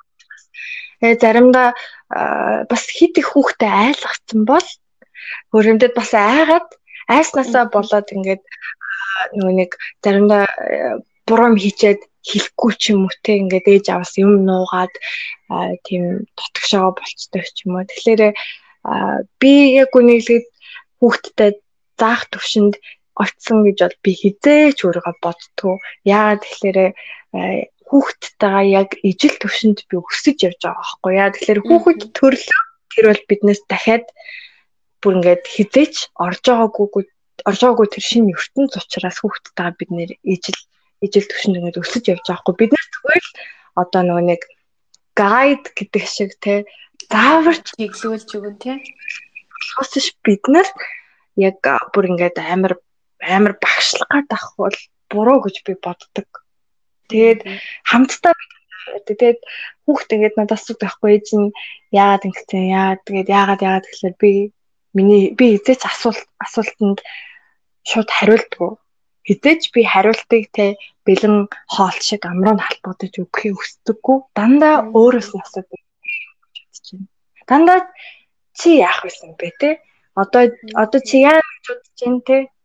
Тэгээ дандаа өөр өөр нь бодуулах хэрэгтэй. Өөрийнх нь толгойг ажиллуулах хэрэгтэй. А тэрийг сонсчод магадгүй бидний нөөний бодоогүй санаагүй зүйлийг хүүхдээс гарах юм болоо мэдэхгүй шүү дээ. Тийм учраас хүүхдээ эхлээд сонсч. Тэрэн дээр нь харин жоохон гоё хацар нэмээд тэгээд хамтдаа хийдэг.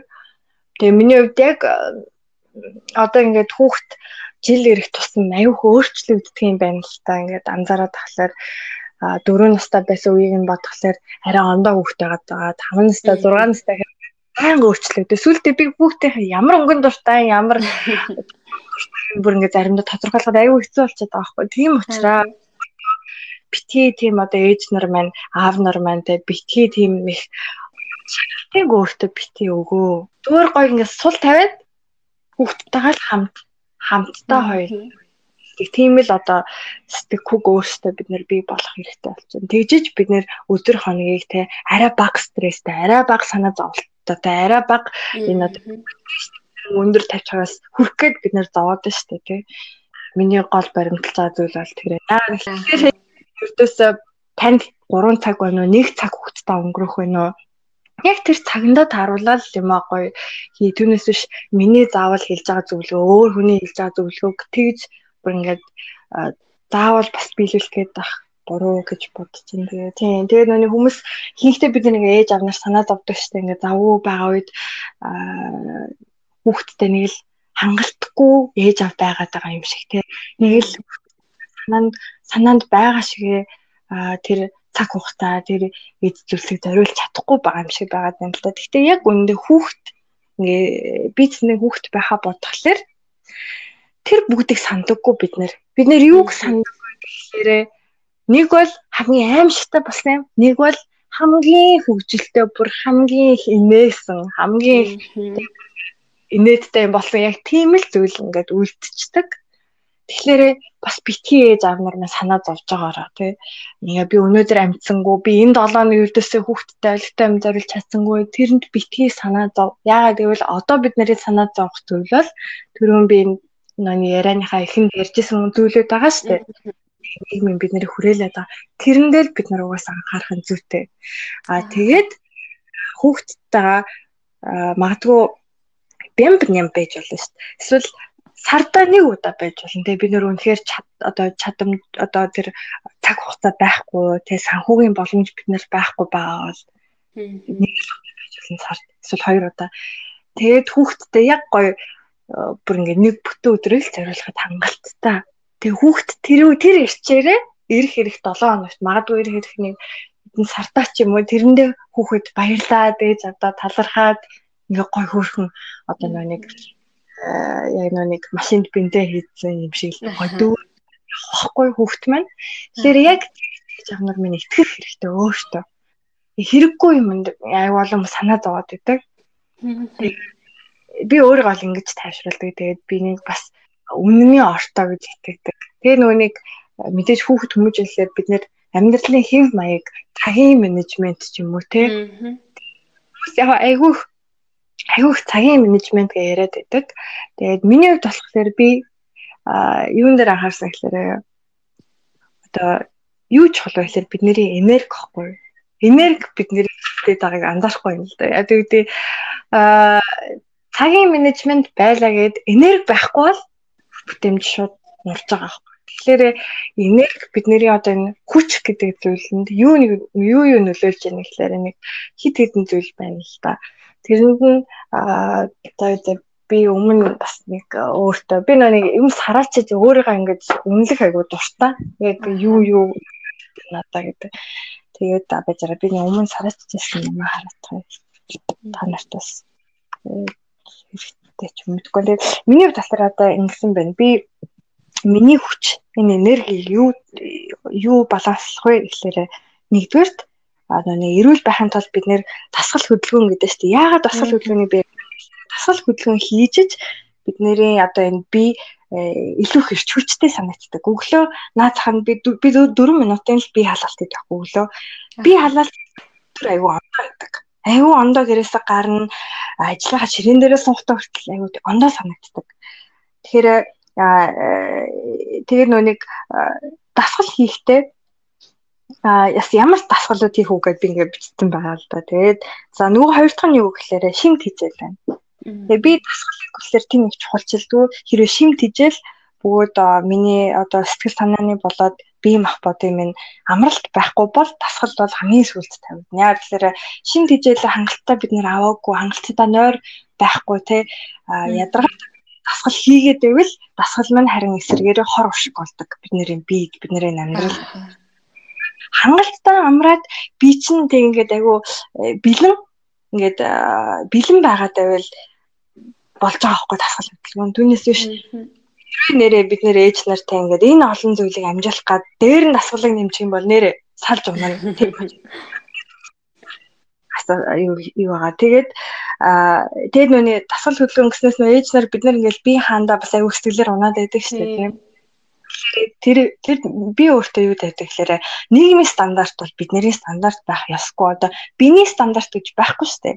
Яг энэ хэмжээ яг энэ бэлхүүсний хэмжээ эсвэл яг энэ ердөөсөө зүг гэдэг зүйл биш учраас өөрийнхөө биед ердөөсөө яг өнөөдрийн нөхцөлд өнөөдөр танаа хүүхэд хитгэн сартай байна уу өнөөдөр танаа хүүхэд өсвөр насны хүүхэд байна яг тэр амьдралын хэв маягтай тохируулаад миний би яг энэ нөхцөлд эдийн хэрнээл байх юм бол миний хувьд энэ бол стандарт алтан стандарт.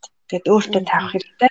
Тэрэндээ л хүрэх хэрэгтэй. Түүнээс биш сошиал медиа дээр явж байгаа бүр ингээд тасархаж байгаа хүмүүсийг хараад авах тэр ердөөс бидний тэр одоо ярих одоо анхаарах тэр одоо хэл зар биш ахгүй. Бид тэгээд а нүг шинэ тижэл гэснээс би нөө сүүлийн үед бас яг өөрөө гэрте хүнс ногоогоо яаж ургуулах вэ гэдэг судлаад байна л та.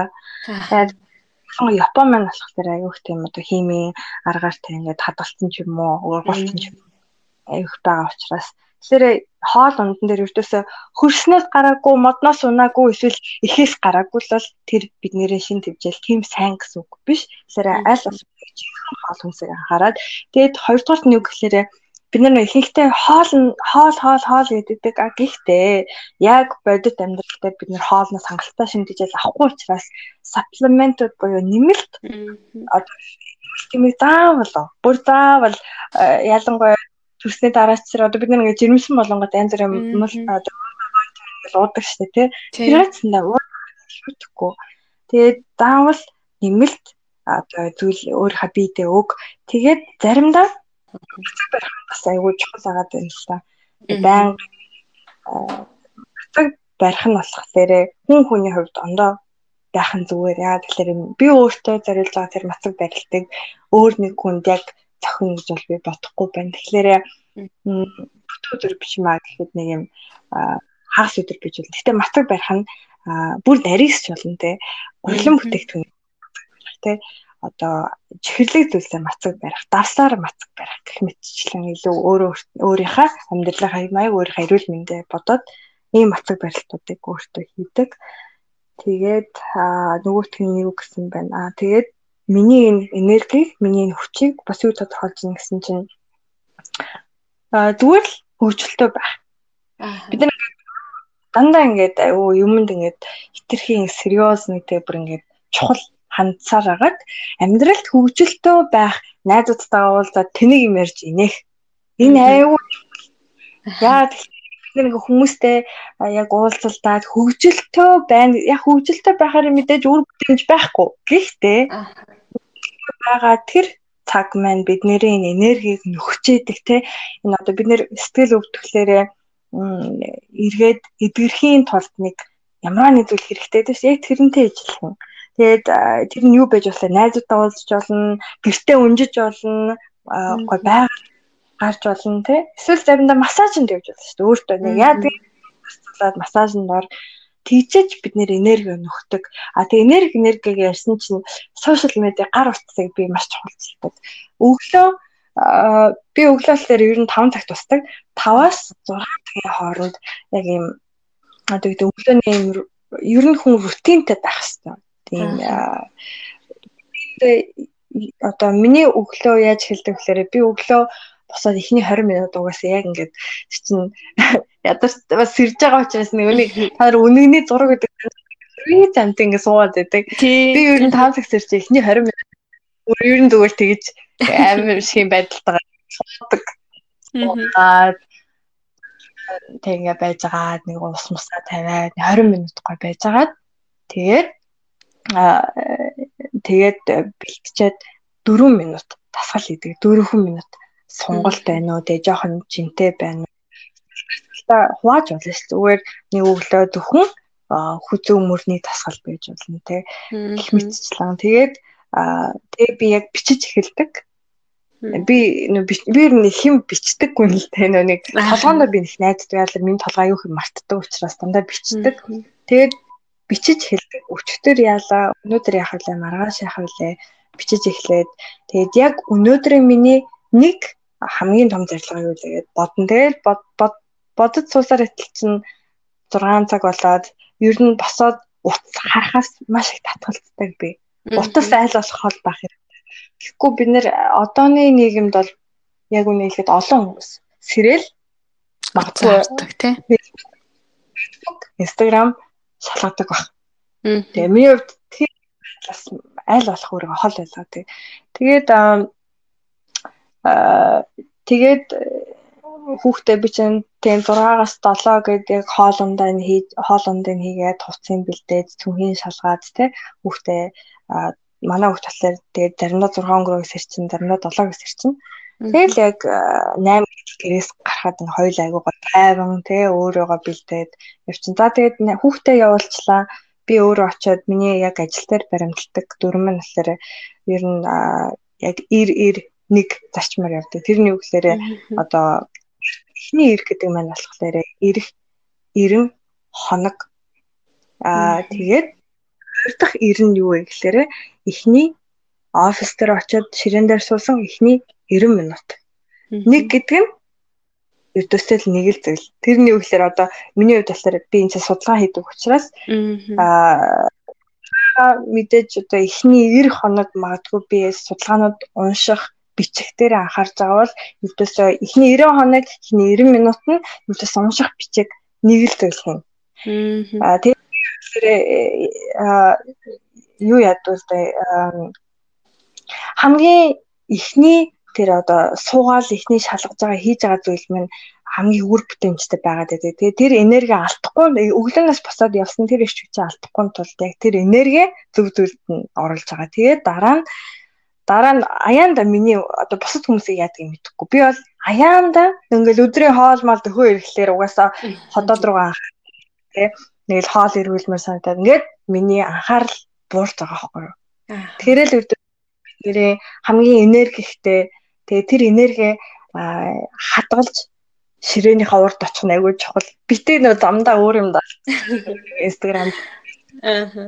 Өөр алдаж болохгүй яг тэр хичээр явж байгаад бодож санаж байгаа суугаад эхний 90 минут бүр яг таг суугаад тэгээ тэрэнд хардаа э, бүх юм унтраах хэрэгтэй. Уцаа хоол тавих хэрэгтэй. Яг л хэний мессеж бичдэг, нэг notification ирдэг тэгэнгүүт ингээл үйлээс байн байн. Зүгээр бид нэрээ энерги хийгээд байхгүй. Тэгэхээр тэр их байна. Тэгээд өглөө 5 цагт босдог гэхээр оройд хідэд унтдаг гэсэн үг үү? Манай хүүхд болохоор одоо би хүүхдээ 6:30 үед авдаг. 6:30 үед аваад тэгэл орж ирээд нэг нөө бид нэр амьдралын хэв маяг гэсэн шүү дээ. Тэгээ миний хувьд болохоор тэгэхээр ингээ хоолнуудаа бүр яг төлөвлөсөн байдаг. Яг ямар хоол хийх үү? Тэгээд эзнэр маань бас айгүй мундаг эзнэр байх гад аль болох бүх юм ингээ өөрөө хийх гэдэг шүү дээ. Миний хувьд болохоор байдаг. Өнөөдрийн одоо энэ бэлэн хэрцсэн байгаа ногооч вэ нөө те бэлэн юмнууд байгаад дээ. Тий. Нэрийг ашиглах гэж нар байна. Тэгжиж бид нэр өөртөө илүү илүү их цаг гарах гэдэг. Тэгэхээр миний хувьд нэг хагасаа 7 хоног энэ ажлын өдөр хэлхээс өмнө бэлтгэсэн байгаа учраас 6 хагас гэж орж ирээл яг бэлтгэсэн байсан юм а. Би нэг тэнтгэл юмс орж ирээл шууд хоолоо хийж эхлээл хоёулаа хамтдаа гэртээ тухлаас хоол бэлэн боллоо. Нэг хоолоо нэг удахгүй нэг 20 25 минутын дотор болчихно. Тэгэл 7 гэхэд хоолоо идээ сууж ин тэгээ нэг 7-аас 7:30-ын хооронд яг би нэг яам манай гэрэл болохоор жоохон бүдгэж бүдгэж болдог гэсэн ингээд албаар нэг жоохон бэлэн бүдгсгээл. Тэгээ бүх юунадаа аль хор тавил хүүхдээс энэ гар утас компьютерын хол траагаал тэгээд ярьж эхэлдэг. Тэгээ би хүүхдтэйгээ юу ярьдаг вэ гэхээр аа яг хоо заавал хичээл мичээл сургууль найз нөхдөд яриад ахгүйгээр ингээд би ингээ айгүй сонин санагдсан ч юм уу хүүхдтэй ямар нэг шин юм ярих аюу дуртай. Аа чи ийм амтан мэдсэн үү ингэдэм юм байна штэ эсвэл ээж нь өнөөдөр айгүй тэнэг юм хийсэн.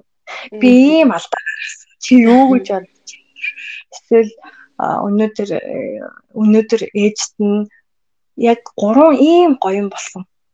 Тэгээ хүүхдтэйгээ жинхэнэ харилцан харилцаа бий болох нь аюул чухал. Тэгэхгүй ингээд хүүхд гэдэг яг нэг жинхэнэ. Тэгээ хүүхдүүд яг өндөө хүүхэд биш ингээд зүгээр жижигхэн битээ хүүхд төрөхтэй болох шиг бас заримдаа том юм шиг аюул айхтар.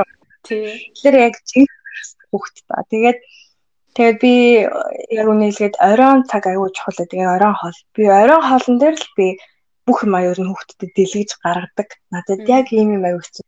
Тэг заримдаа ээж нь ингээд чадахгүй юм шиг санагдчихээн. Тэгэл заримдаа гэрээ яг одоо магадгүй санхүүгийн нөхцөл ийм байна. Тийм учраас хоёулаа эрэх өдрүүдэд те энийгээ хоёулаа ингэн шүү. За тэгээд ээж нь ээж нь чиний энэ энэ үйлдэлүүдэд ч айгүй баярлсан гэд тэгээд ер нь хүүхдээсээ бас асуусан. Чи өнөөдөр юунд баярлсан бэ? Айгүй энгийн. Нэг би тийм сүрхий юм ярих гаггүй хүүхдтэйгээ юу гоё байсан бэ? Юу чамайг инээлгсэн бэ? Тэгэл манай хүүхд тэгээ тэр маань нэг бодлоо яаж аглаараа хүүхдээ нөө нэг энэ нийгэмд цаашлаад өөрөө хүн болж төлөвчтэй эрэг зүйлийг хардаг дасгал болж байгаа байхгүй. Яаглаараа өнөөдөр энэ нийгэм чи ингэсэн байна, чи тэгсэн байна, энэ нийгэмд ийм юм болцсон байна те дандаа ингээд нөгөө нэг асуудал дээр ингээд дандаа негатив хандаад тахлаарэ асуудал дундаас өнөөдөр мэдээж хүүхд бит хоёрын айл алинд нь хэцүү юм байсан л ээж таараа те Миний сүүлд энэ өдрийг дуусгахын өмнө дандаа сайнаар дуусгах гэж үздэг. Тэгээд Тэгээд э, би болохоор хүүхдтэй жишээ авдаг зүйлээд маань ээж нь өнөөдөр кофе аягүй гоёс. Ээж нь аягүй гоё халуун гоё амттай кофе уусан. Тэр надад өнөөдөр хэлсэн. Надад тэр одоо тоглоом бол одоо хүүхд хүүхдтэй бид нэр энэ яриагаараа наад шаргал гэдэг зүйл маань ондоо ийм одоо амьдралын энгийн энгийн зүйл байдаг юм шүү гэдгийг заагаад байхгүй. Түүнээс ш энэ тэгээд ямар ч байсан иймэрхүү жишээнүүдийг л ярих нь хэрвээ оройны хоол. Тэгэл тэгээд би яг 7 хагас болонгот за хоёлоо унтыг гэл. Тэгээд манай тохиолдол байдаг л гэж манай их номонд аягүй дуртай. Тэр Аа. Тэгсэн. Тэгээ яг номыг бас уншихад учир байна л да. Зүгээр уншиж өгөх биш, номнууд авч өгөөд нүдэнд нь харагдуулаад байх биш. Номыг уншихтаа бүр яг дүрд нь ордог тий.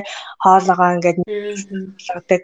Аа тэгээ нөө номыг уншихтаа болохоор би нэг өгүүлбэр уншичаад асуулт авих тавьдаг. Одоо жишээлбэл тэр хүүхдэд тэр түүхэн хамаарч чадахгүй бол тэр хүүхэд номонд нэг сонирхолтой байхгүй. Тэгэхээр л ердөөсөө одоо нохоо гарч ийнө тэд нэр одоо гимт хэрэг хийж ийнө те эсвэл ардаа туслах ээж туслах тэнгүүт одоо гинт нэг үлбэр уншаал. Яг тэрэн дээр нь жишээ яг тэрэн дээр нь жишээ аваад чи ээжтэй ингэж ийсэн үү? Ээж нь яг ингэж ийсэн үү? Эсвэл энэ нохоо ингэж чадах уу? Те яг хүүхдэд нэг тэр өгүүлбэрийг бүр ингэж нөө шингэх хэрэгтэй. Тэгээд өдөр тутмынхаа амьдралд нь жишээ болгож оруулдаг. Тэгэхээр манай хүүхд аюулгүй дуртай. Тэгээ манай хүүхдтэй нэг болно. Тэгээд ингээд хоёул нэг үлбэр уншаал манай хүүхд тэгээ тэрийг аяг сурцсан. Нэг уншаал аа тэр нь ингэдэг юм байна штэ. Би бас дээр явж исэн чинь ингэсэн тэгсэн гэл манай хүүхд ингээ юмыг одоо ингээ хооронд нь холбоод яриад хамааруулж чадаад байгаа байхгүй. Тэр тэгж л номыг бас унших гэж аяг чи. Тэгээ манай хүүхд заримдаа гуугаад 8 гэж унтдаг. Тэгээд тэгээд мэдээж 7:30 гэхэд айл болох орлогоо орсон. Тэгээд тэгээд бидний өдөр тутмын ингээд үйлдэлүүд штэ. За шүдэ байгаа. Тэгэхээр зарим шүдэ. Тэгээд тийм тохиолдолд яг нөгөө хоёр сонголтоо нэг үл чи шүдэ байгаа, нэг үл би чиний шүдэг угаана. Яг яг тийм л тэгээд заримдаа нөгөө нэг хүүхэд заавал бидний үгэнд ороод өөрөө аюу мундаг байгаад юма хийх нь чухал биш заримдаа бид нэр буулт хийгээд а за чи гуйсан учраас би чамд ингэж байгаа шүү. За би чамд туслая Гэт яг нэг бидний буулт хийгээд багийн хамтрагч шиг байх тэр одоо дүр төрх бас айгүй чухал. Тэгээ би хүүхдээ мэдээж ээжийн дүрд орох үе байна. Заримдаа найз шиг нэрэн те орж ингэж яадаг. Тэгэхээр тийжиж хүүхэд яг энэ ирээдүйдтэй наад зах нь ажлын талбар дээр очиод хүмүүстэй яаж харьцахтай хүртэл бас арай ондоо тий. Тэгэхээр би бас аюух буулт хийдэг. Ялангуяа шүдэ байгаа хтэр би аюух буулт хийдэг. Тэгээд яг тэг заримдаа би буулт хийсэн учраас манай хүүхд надад буулт хийдэг байхгүй заримдаа. Аа. Тэр нь аюу хөөрхөн. Тэгээд бид нараа ер нь айл болох олон удаа буулт хийх хэрэгтэй. Заримдаа хүүхэд буруу мэдсэн гэсэндээ миний уур хүрсэн гэсэндээ би буулт хийж өгдөг. Тэгээ би буулт хийх. Яа тэгэхээр ээж нь жоохон бахта яг чам шиг ингэж алдчихсан. Би чамаас амар алдаа хийжсэн те. Тэгэж нүний аюух хүүхдтэйгээ тайвшруулж явах өөрөө өөрийгөө бас ээж нь бас муу юм хийжсэн гэдгийг л хүүхдэд яагаад тэгэхээр хүүхдүүд ихэнхдээ нөө би л болохгүй байгаа юм байна. Би яагаад ийм болцсон бол гэх одоо үлдэхэд байдаг. Тэгээ бид нэрийн яаж итэг их байх хүмүүс одоо арга барил маань. Тэгэхээр тэгэхээр би хүүхдэд аюу ингийн ээж нь гэсэндээ мэдэхгүй байна. Заримдаа би нэрээ би заримдаа нэрээ бүр ингээд яах учраа болохоо мэдгэлж байгаа юм чи яаж харцгаа мэдэхгүй те. Яаж босох вэ гэж заримдаа тийм учраас их тэрийг би хүүхдэд хэлдэг байхгүй ээж нь мэдэхгүй байна. Би ээж тэгэхээр яг одоо ингээд аюу хэцүү бүр ингээд чи л надад туслах хэрэгтэй байна тий. Тэгэхээр хүүхэд нэг аа ингээд за би гэр бүлийн гишүүний хувьд бас ээж аавтай ингэж одоо чухал өөрийгөө л аа одоо нүхтгийм байна гэд хүүхдээ ойлгож эхэлдэг. Тэгээд ямар ч гэсэн би бол хүүхдэд аюу ийм л төвшөндөө гэдэг. Түнс би нүуник Аа. Бид нар найз нартай хүртэл одоо тийм нэг хиллэг өгдөг үстэй. Чи миний хайн биш урд биш надтай ингээд юм зэрэгтэж явбал гэж хэллэг байдаг шиг би бас хүүхдтэй айлуулах тийчтэй. Урд нь гарах гэдэг ахш хойно гарах гэдэг ахш яг хүүхдтэй хажууд нь. Тэгээд 7:30 гэж бид орондоо орчоод 7:30-тэй заримдаа манай хүүхдэл тэр дорой тэгээд тасарчин ядар ядарсан. Тэгээ яриа л байна. Тэгээ би бас яриа. Тэгээд бид орчин хоёулах нь болохоор бас аюу ондоо байгаа тань л та магадгүй бас зарим хүмүүс ч юм уу нөхтөө байдаг бол би сайн мэдэхгүй л юм л та. Тэгээ бид тэр яг л би чинь ганц би ээж байсан. Тэгээ одоо яхаа мэдээж хүнтэй тахаа суудсан. Тэгээ ганц ээж ерөн хүүхэд хүмүүжлэх гэдэг юм. Тэгээд татгшаага бас аюу олон задран л та мэдээж ялан ганц би ээж нарыг бодох юм бол э, хийлэх зөвлөгөө юм бол тэс ондоо ер нь бол тэгээ бүтэн байгаа ондоо. Тэгээд дахиад өөр хүнтэй суулцсан бол бас ондоо тий. Тэгээд энэ маань өөрөө түүхтэй хүмүүжил нь өөртөө сайн хэцэх байна гэдэг. Тэгээд ямар ч байсан би суур юмнэл хүмүүсээ ял болох. Аа нөө яг суурин дээр хөрсөн дээрээ буцаж буухыг дандаа сануулдаг найзуудтай ч тэр өөртөө ч тэр хүүхдтэй ч тэр яа тэгэхээр сургууль тэр ялангуяа хүүхдэдэд аюух тийм нэг ойлголтууд орж ирдэг те. Аа энэ хүүхдүүд яг энэ хүүхдэл байх юм бол багш надад дуртах гэдэг те.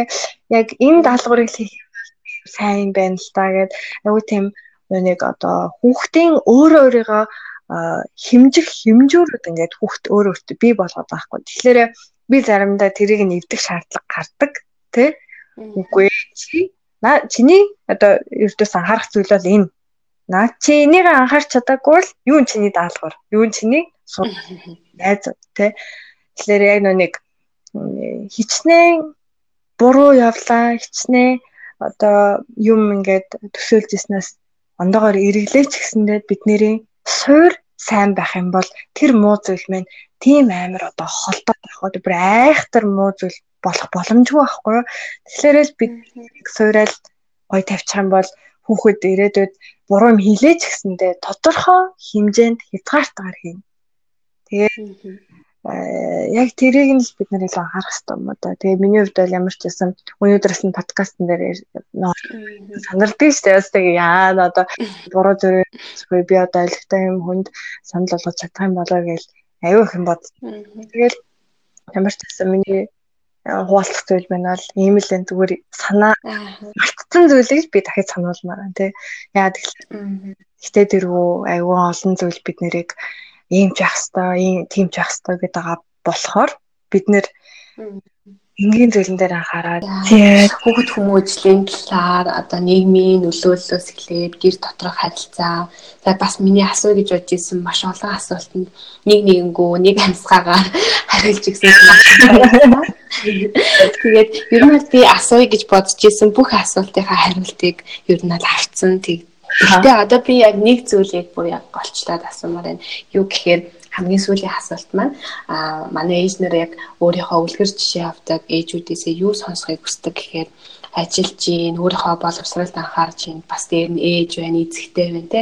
Энэ бүх ажлаа яаж амжуулж гин өөртөө яаж цаг гаргаж гин яг нэг тиймэрхүү цагийн менежмент гэх түрүүн бас ярьсан. Гэхдээ бас яг ээжүүдтэй та ямар зөвлөгөө өгөх бол яг нөө нэг бидний одоо энэ амьдралын загварыг бид ингээ өөрсдөө бүтээж байгаа шүү дээ. Тэгэхээр тэр загвар яг өдөрт хідэн таскуудыг амжуулмаар байгаа юм. Яг тэгээ одоо эхлээд яг санаагаа эхлээд би болгоод тэгээ тэр санаан дээрээ тулгуурлаад одоо жишээлбэл миний хувьд би бас аюу олон юм амжуулах гад хичээдэг. Аль болох олон тэгээд би нэг юм дээр удаан суугаад тахлаар миний дан чанар болохоор тийм дээр удаан суугаад байдаг хүн биш. Аль болох хурдан хугацаанд чанартай мэдээллийг аваад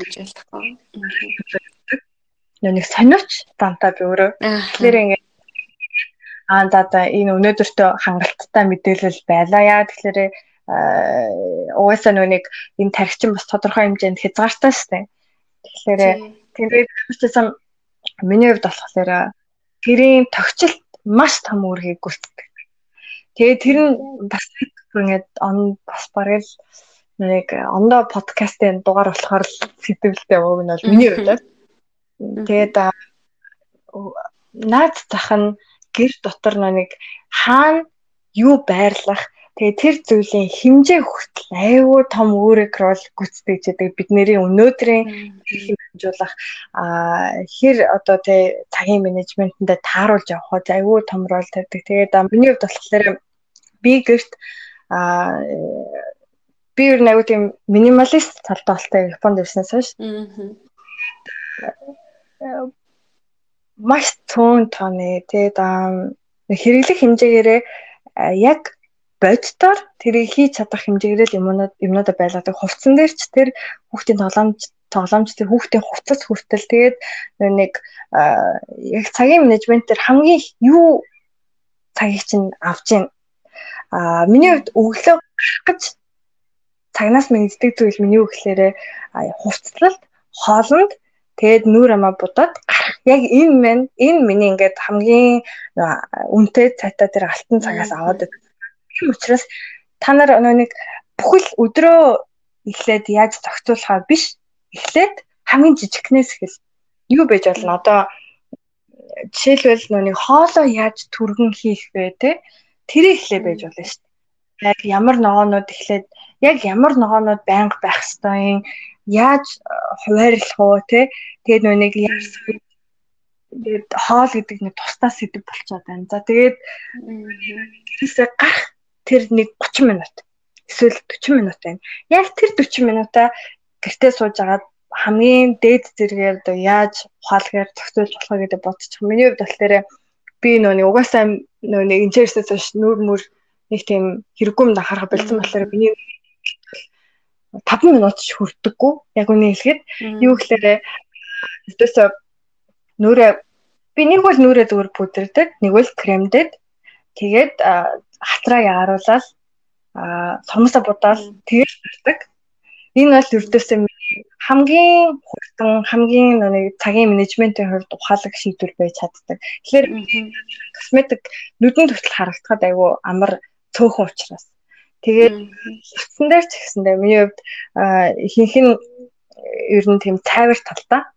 Тэгээд цайвар талтай учраас хоорондоо амархан зохицдог. Тэг би бас нэг Аа тэгэхээр хүний хувцлалт гэдэг бас ойлголт нөлөөлөд байна л да. Зарим эмэгтэйчүүд яг хувцлалт гэхээр яг юу гэж бодож юм те ингээд аа юу гэдэг одоо сүүлийн тренд өмсгöd даах гэдэг юм уу те эсвэл одоо юу гэдэг миний хувьд болохоор хувцас цэвэрхэн байх л болоо. Тийм л тийжч нэг одоо бусад зүйлдээ илүү анхаарах гэдэг юм л та. Тэгэхгүй би хэрэгтэй хэрэггүй энэ жох надад гоё харагдаж уу, ингэж нэг тэгж гэнэ гэдэг ах биш. Тэгэхээр хамгийн түрүүнд нөө өөрийнхөө биений өөг мэдээд өөгөө яаж гоё далталах уу те. Аа яг зүг харагдах уу тэрийг бодвол тэгэл маш энгийн байдаг. Би тийм Монгол байсан шиг одоо түүхэл тийм дэвдээ санаад байна. Тэгээд тэр ижил ирэх тусам нүг харагдахтаа биш хэр эвтэйхэн байна вэ гэдэг аюу чухал болцсон юм байна л да. Залуу байхад биднес чинь ингээл аюу янз бүрийн туршаал өмсөж үтэлтэй та бодож байгаа. Одоо болохоор наад зах нь одоо цүнхэн дээр хүртэл би нэг л цүнхийг одоо 7 хоногт айл болох хэрэгэлдэг. Зөвхөн үүрэг өвч яа тэгэхээр эмэгтэй хүн чинь хүүхд мөхтэй болоод ирэхлээр аяг ядардаг. Тэгэхээр нэг гартаа барь хүртэл заримдаа үнэхээр ядаргаатай санагддаг. Тэгэхээр би үүргэвч үүргэвч үүрхлээрээ хоёр мөрөн дээр зэрэгтэй ижил жимний ачаал үүж болохоор бас амар. Тэгээ хоёр гар хүртэл сулралт амар байгаа даа л та. Тэгээд тэгээ би дандаа ялангуяа ажиллагаа явахдаа хэлтэл бие тамирын гуталтай явдаг. Аа бүр болохгүй ханд ялангуяа Японд нэг гутлаа их тайлдаг болохоор амархан сугардаг ч юм уу. Тэгээ аль бол хүсгэд юмнаас татгалздаг. Аа тэгээ өсгийн дэрэг хүртэл өөртөө яг хэдэн сантиметрийн өсгий өөрт чинь таарах ингээд тодорхойл. Тэгэхгүй ингээд би болохоор өвдөөс тийм хит намхан биш хит өндөр биш яг нэг юм одоо яг энэ японочд аюу зөв хутлахтай аюу мундаг хуталтай ер нь бол хараад тахлаар бүгд жиг туталтай нэг нийгэм жигд байхлаараа бас хүмүүс юу гэдэг юм бэ л да. Одоо юу гэдэг юм яг бас нийгмийн стандарт эдгээр бий болгоцсон. Эднэрийн стандарт цэцэл цэвэрхэн байх хэвээр. Нүүр цэвэрхэн бас түүнээс биш манайх шиг зөв болоод байгаа биш. Тэг брэнд брэнд бол өрдөөсөө биш. Тэгэхээр өөрийнхөө тэр нүний хавцандаа эд хөрөнгөтэй хандж байгаа хандлагаас анзаарах хэрэгтэй тий. Заавал брендинг юм чухалчлаад байна уу? Тий. Э, яг юу чухалчлаад байна. Миний хувьд тэгэхээр бүр одоо тэр нандан тэг янз бүрийн үнэтэй цат амьнуудаа ингээд бүр далд байдаг. Би хөтөр болгон тэр хэрэгэлдэг. Угаасаа өдөр болгон хэрэглэх шаардлага байхгүй. Тэгээд аа тэгэл хувцснуудаа би хувцаад гэдэг ер нь 7 хоногийн одоо ялан өнөөдөр өнөөдөр би хувцснуудаа тайж ялгадаг. Яа тэгэхээр энэ чинь сар сараараа яг улирлал нь бас ингээд ондоо байгаа даа болохоор. Тэгэл а түрүүний ясан ажил дээр очиод би яг хийдэг цаг байна. А тэгэхгүй нүний бид нэр яг ажлын тэр одоо 6 нөө 8 цаг байна уу ажлын тэр урт хугацаанд бүтэн цагаар бид нэр одоо үр бүтээмжтэй ажиллана гэж хизээж байдаггүй. Тэр бидний өдрийн гаргаж байгаа амжилтын ердөөсөө баг хувь нь л хамгийн тэр том импакт хамгийн том амжилтыг тодорхойлж идэг. Тэгэхээр нүг өөрийнхөө бие физиологийг бас аюу анзаардаг л да миний хувьд яг өнөөд яг одоо л өчигдрийн байсан миний өдрийн төлөвлөгөө магадгүй өнөөдөр надад таарахгүй. Яагаад гэвэл өнөөдрийн өглөөний миний хүч жоохон муу байсан. Эсвэл би өнөөдөр жоохон сэтгэлээр онцсон. Тэгээ нэг хүний үг сонсоод би жоохон хийх урамгүй болчихлоо. Тэгэхээр нөө өөрийнхөө бие физиологийг аюу анзаарч хийдэг. Яг одоо яг одоо би яг 5 минут хийн эсвэл цаг би зүгээр юм уншия эсвэл юм сонсъё. Тэгээд дараа нөгөөний бидний би сэтгэл бэлэн гэсэн цаг үед шууд ирч хүчтэйгээр ордог. Бүр аюу их хүчийг хуримтлуулж агаад яг чухал гэсэн ажиллаа хийдэг тий. Одоо судалгаа эсвэл бидний одоо ямар салбарт ажиллаж яг тэр нь лөө хүч төрөн ордог. Тэгээд аажим аажмаар угаасаа хүч суларна. Тэгэхээр манай бас бидний ямар ажил ямар хамт олонтой байгаа нь бас айгүй чухал юм л да. Миний одоо энэ цагийн менежмент нь бас яагаад биелээд яваад байна гэхлээрээ миний амьдралын хэв маягаас гадна ажиллаж байгаа хүмүүс маань бас ижил ийм одоо ойлголттой байгаад байгаа нэг амар байгаа байхгүй. А Монголд бас мэдээж бэрхшээлүүд авах гардаг байсан л да. Би чинь давхар урлагт яваал давхар ингээд нөө юун дээрээ боловсролын салбарт бол тэгэл ажиллаа л тийм. Ажиллаж байхад хүртэл натаа ингэж барьцдаг хүмүүс ингэж чи сая зургийн авалтанд явчлаа штэ тий.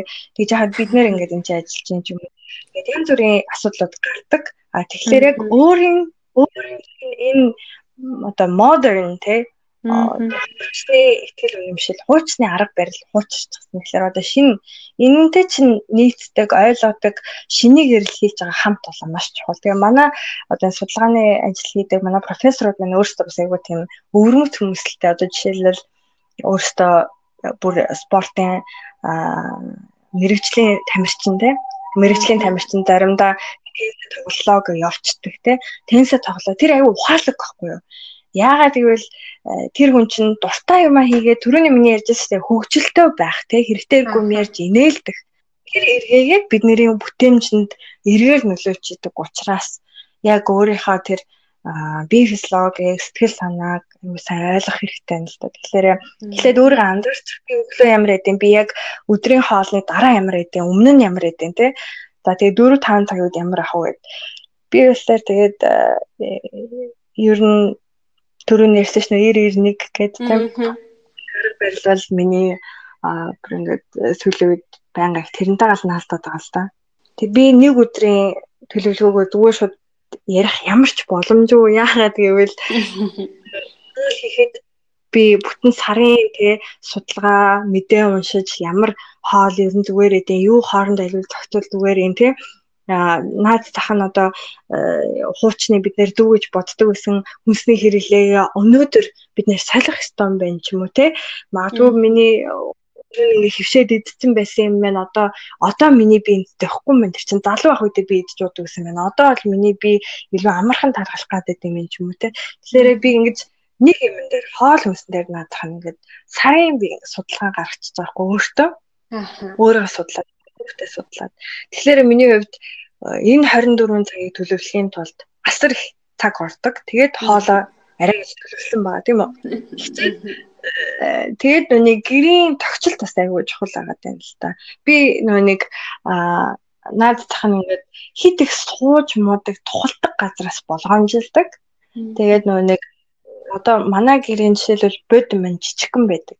Яа тэгэхээр нэг анзаараад болохоор би ингээд хуучин гэж аюу том диван миванта тэгэхээр ингээл үс зайл алхах хэвтэл шилтэл түрүүний хэлсэн шүү дээ бид нарын орчин тойрон бидний хянаж бидний зан үйлийг тодорхойлдог гэдэг. Би нөгөө нэг дивана жижигхэн болгоод одоо миний диван харуул Монголд бараг нийтдээ байх бах. Тэгтээ нөгөө Японч угаасаа жижиг юм да сайн. Тэгээд наад зах нь аа бидний нөгөө нэг аяг тав хөглөрчлөөрээ бас аюу их таг авдаг штэ. Юу цагийн менежмент тэ. Тийм болохоор миний аяг тавг халбаг хүртэл тоотоо. Би ердөөс нь ямар сонирхол яа гэвэл миний цагаас авахтаас ахгүй юу. Тэгээд миний хөрөгчөс жижигхэн.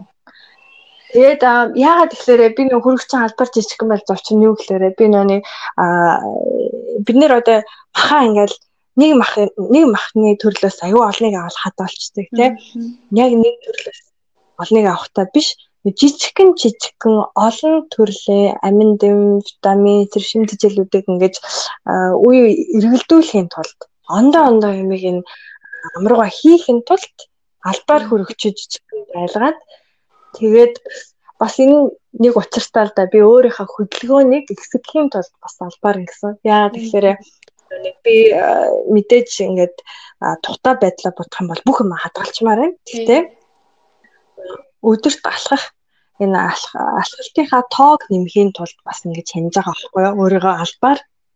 Тэгээд тэгээд мэдээж нөгөө нэг бид нар ч хоол удаа идэхээр ард нь үлдсэн ямар хог нош идэг вүлээ тий хоол идэхний дараа хэрэг дээр тий тийм учраас ширээн дээр ширээгээ жижигхэн байлгадаг. Тэгээд шкафа ердөөсө томсгохоос болгоомжлдаг.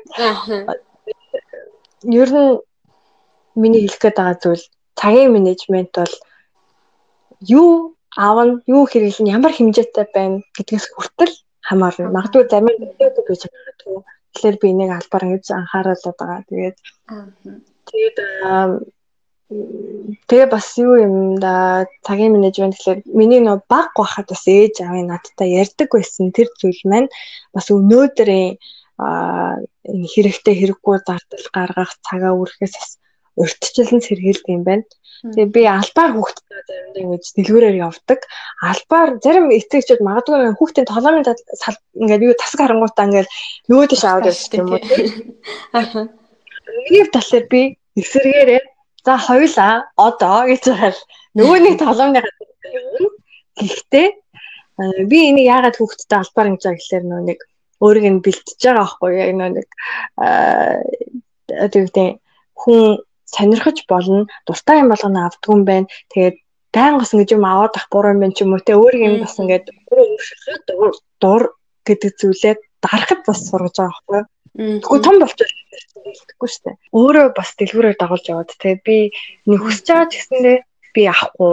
Тэгэхээр ээж нь чамд авч өгмөр байгаа гэсэндээ би бол одоо авахгүй яа тэгэхээр наа чи яг одоо өнөөдөр чухал зүйл биш те хүүхдтэй ингээд тоглоом мөртл харуулчаад тоглоомынх нь үнийг харчаад заримдаа нөх хямдхан ч гэсэндээ чанартай юмнууд байдаг.